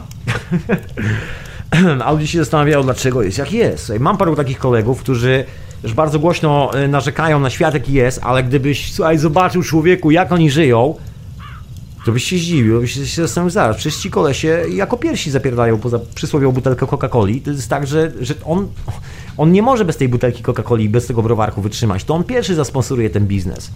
Ty nawet nie musisz tu w ogóle nic robić, wiesz. Wypuszczasz go samopas i za, za, pięć, za pięć minut koleś wraca i już powstało 10 korporacji. On był taki niezależny i taki, wiesz, dobre serce i w ogóle chciał wszystkim pomóc, rozumiesz? Także to jest takie, wiesz, e, że tak powiem, na dwoje babka wróżyła. Ja to zawsze twierdzę, że po efektach się poznaje człowieka, po tym co robi, no, albo coś robisz, coś działa, albo, albo jest to po prostu czcza gadalina, jest to cofanie się do tyłu. I to mielenie w miejscu jest, zdaje się, ostatnio takim e, chyba najbardziej popularnym e, i najbardziej docenianym zajęciem przez wszelkie media. Jeżeli, jeżeli chcesz zrobić karierę, słuchaj, musisz stanąć w miejscu i mielić kołami stań i miel kołami, wymyśl sobie jakiś temat, wiesz, jest masa pajaców, które sobie wymyślają, wiesz, kontrowersyjny temat. Statystyki pokazują, w tym sezonie modne są małżeństwa gejów. No to robimy program o małżeństwach gejów. W przyszłym miesiącu modne są małżeństwa Wiewiórek, robimy program o małżeństwach wiewiórek, a w przyszłym tygodniu będziemy mówić o strażakach, także będziemy robili program o strażakach, a za miesiąc może się sprzeda, będzie zima, będzie o czapkach. Rozumiesz? I wszyscy to kupują. No, jeszcze gorzej, bo znakomita część ludzi w tym momencie się drapie. A, zajebisty pomysł. Chyba otworzę fabrykę czapek. Akurat będzie jeszcze 3 miesiące. Może uda mi się na tej fali sukcesu wypłynąć i zrobić na czapkach. to jest dokładnie taka zabawa. Szukanie koniunktury. Szukanie koniunktury na lepsze jutro. Fascynująca historia. Szczęśliwie myślę, że nie trzeba naprawdę tego robić. Świat dostarczył nam takich rozwiązań, że się w głowie nie mieści. Mamy technologię, z której można skorzystać. Nie musisz, ale możesz. To jest właśnie ten wybór. Na Florydzie nikt nie chciał skorzystać z technologii cache. To jest fenomen. Stany Zjednoczone dostały jako pierwszy blueprint tej technologii, to taki z generatorami, takich, że cokolwiek się stanie, to nie mają prąd.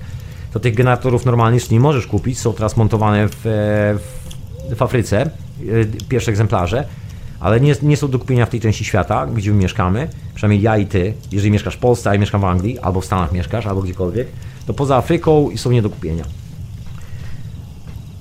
Ale nie było problemu, można było zwyczajnie zrobić te generatory. Była propozycja, była o tym mowa, rząd dostał propozycję, ale widzisz, bardziej się opłaca ludziom, bo to jest pytanie, wiesz, bardziej się opłaca rządowi tego nie robić.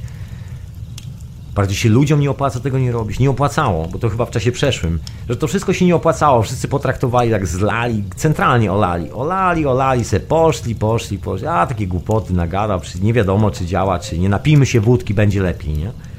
No i, i, się napili tej wódki, czy tam tego lokalnego drinka Budweisera i wiesz, był taki, że przed tornado teraz czekają na prąd. I nie czekają dalej, wiadomo, że się nic nie zmieni, wiadomo, że w tym momencie, jeżeli ich nastawienie do rzeczy jest takie, to wiadomo, że ktokolwiek miałby działający generator, nie przyszedłby do nich i nic nie zrobił. To jest tak samo jak, e, jak ja i moja medycyna. Jeżeli widzę w tobie szaleństwo, a miałbym medycynę w ręku, to na pewno będziesz ostatnim człowiekiem, do którego będę chciał uderzać z tą medycyną, bo Naprawdę nie lubię szaleńców dookoła siebie, także nikt nie będzie tutaj e, ci proponował nic specjalnego, jeżeli zwariujesz. Jeżeli zwariujemy, ty i ja musimy już liczyć tylko i wyłącznie na siebie, bo w tym momencie jakakolwiek pomoc by nie była, to nie jest żadna pomoc, tylko dobijanie nas. Bo wiadomo, że dookoła wtedy będziemy mieli już tylko taką idiokrację. I ktoś znowu wpadnie na genialny pomysł i stwierdzi, że szczepionka uratuje mi życie i mogę nie przeżyć przez tą szczepionkę, widzisz. Ale w papierach wyglądało, że przeżyję, widzisz. Bo papier jest ważniejszy od człowieka. I to jest chyba taka konkluzja, którą każdy powinien sobie złapać w głowie na ten temat. Ja nie wiem, czy ja powinienem ją wypowiadać, na temat gdzie jest, w którym miejscu i co tak naprawdę chce wspierać e, swoim działaniem, co chce robić, w jaki świat chce zbudować, gdzie chce dojść z tym wszystkim, gdzie ty chcesz dojść człowieku z tym wszystkim, do jakiej przyszłości, co tam ma się dziać w tej przyszłości, czy w ogóle jest jakaś przyszłość, czy w ogóle patrząc z perspektywy dnia dzisiejszego w ogóle jest sens? No właśnie, to jest dobre pytanie. I ja z tym pytaniem, z tym takim bardzo ważkim pytaniem który jest doskonale znany wszystkim podróżnikom, zostawić tutaj po tej jakże wykrzyczanej i wybluzganej hiperprzestrzeni. Jak będziesz komuś ją polecał, to przypomnij, że ja tu troszeczkę klnę i żeby odsunął dzieci od mikrof, znaczy nie od mikrofonów, żeby odsunął dzieci od głośników. I tylko tyle. Otóż to. I to było na tyle dzisiejszej hiperprzestrzeni. Ja myślę, że wszyscy zrozumieli, o czym mówiłem. Do roboty! Dokładnie. Dzięki za słuchanie człowieku. Dzięki za spędzenie czasu ze mną. E, dzięki temu mogłem się z Tobą podzielić swoją jakże ważką refleksją na temat, w którym miejscu jest cywilizacja i tak naprawdę komu zależy na tym, żeby świat się zmienił. Właśnie. I zostawiam Ciebie tutaj, bo ja myślę, że Ty sam wiesz, e, czy Tobie zależy na tym, żeby coś tu się zmieniło, czy Tobie w ogóle nie zależy na tym, żeby się zmieniło. Mi na tym zależy, bo jestem częścią tego świata, wiem jak się tu żyje i wcale nie chcę tak żyć do końca życia. A Ty? Słuchaj, decyzję zostawiam w Twoich rękach, musisz sobie sam ogarnąć temat. Jeżeli nie wiesz, nie jesteś przekonany, kim jesteś, kim nie jesteś, znasz recepturę. Bierzesz naturalną medycynę, idziesz i poznajesz samego siebie. To jest ta bramka, przez którą się wchodzi do prawdziwego życia. Innej bramki nie ma. Ktokolwiek cokolwiek ci nie powie. To jest ta podstawowa bramka. Jeżeli tego nie przerobisz, I don't know, to może być tak, że nigdy się nie spotkamy w tym samym miejscu. Może tak być. Zawsze już musiał biec po tą Europę i to się nigdy nie skończy, a ja, a ja to nie wiem, ja będę gdzieś indziej. Prosta historia. Ja już jestem gdzieś indziej, a to już inna sprawa. Anyway, Czechu, zostawiam Cię z tymi wszystkimi refleksjami. Mam nadzieję, że należysz do tak dziarskich ludzi jak ja i podjąłeś i podejmujesz na co dzień, nie że podjąłeś, to już podejmujesz na co dzień od lat takie decyzje jak ja i nie masz problemu z tym, żeby spojrzeć śmiało każdemu w oczy i normalnie z nim porozmawiać, bo ja nie mam tego problemu, żeby spojrzeć tobie prosto w oczy i porozmawiać z tobą szczerze. Nie mam problemu, żeby patrzeć ludziom prosto szczerze w oczy. I to jest moim zdaniem jedno z najpiękniejszych rzeczy, które może mnie osobiście spotkać. I dokładnie tylko tacy ludzie tworzą świat. Ci ludzie, którzy są w stanie patrzeć prosto w cudze oczy i nie muszą kłamać, nie muszą kombinować, nie muszą kręcić, nie muszą e, robić nie wiadomo czego. To jest właśnie prosta historia. Nic więcej. I to tyle na dzisiaj w hiperprzestrzeni człowieku. Tam wysłuchałeś hiperprzestrzeni w radio na fali, retransmitowanej w radiu Paranormalium oraz Czasnu. Ja tu pozdrawiam serdecznie Grzegorza, z którym ostatnio podróżowaliśmy. Mieliśmy bardzo ciekawe refleksje na temat w ogóle rzeczywistości i tak dalej. Cóż, ciągle te same. No ale wiesz, zmieniamy tą rzeczywistość, to możemy sobie pozwolić na refleksję. Ja tu buduję maszyny, które, słuchaj, redukują poważnie zużycie prądu elektrycznego. Liczniki stoją w miejscu, jeżeli ci o to chodzi. Także ja już wiem, co to oznacza i wiem, że jest możliwe i wiem, że można. Zrobiłem te wyprawy i robię dalej wyprawy używając medycyny naturalnej, wybierając się na tak zwane tripy, dostając wizji, których tak wszyscy ci, którzy są zakłamani w sobie się tak boją, bo nagle by się okazało kim są, a kim nie są. Nie mam tego problemu, jakoś się spokojnie z tym ogarniam i powiem Ci szczerze, że polecam nawet. I uważam, że każdy, kto skończył 21-23 rok życia, może być wcześniej, powinien minimum raz w roku robić taką medycynę. I nie w żadnych kontrolowanych warunkach, tylko normalnie wziąć substancję w piękny dzień, pójść do lasu i spędzić ten dzień ze sobą samym.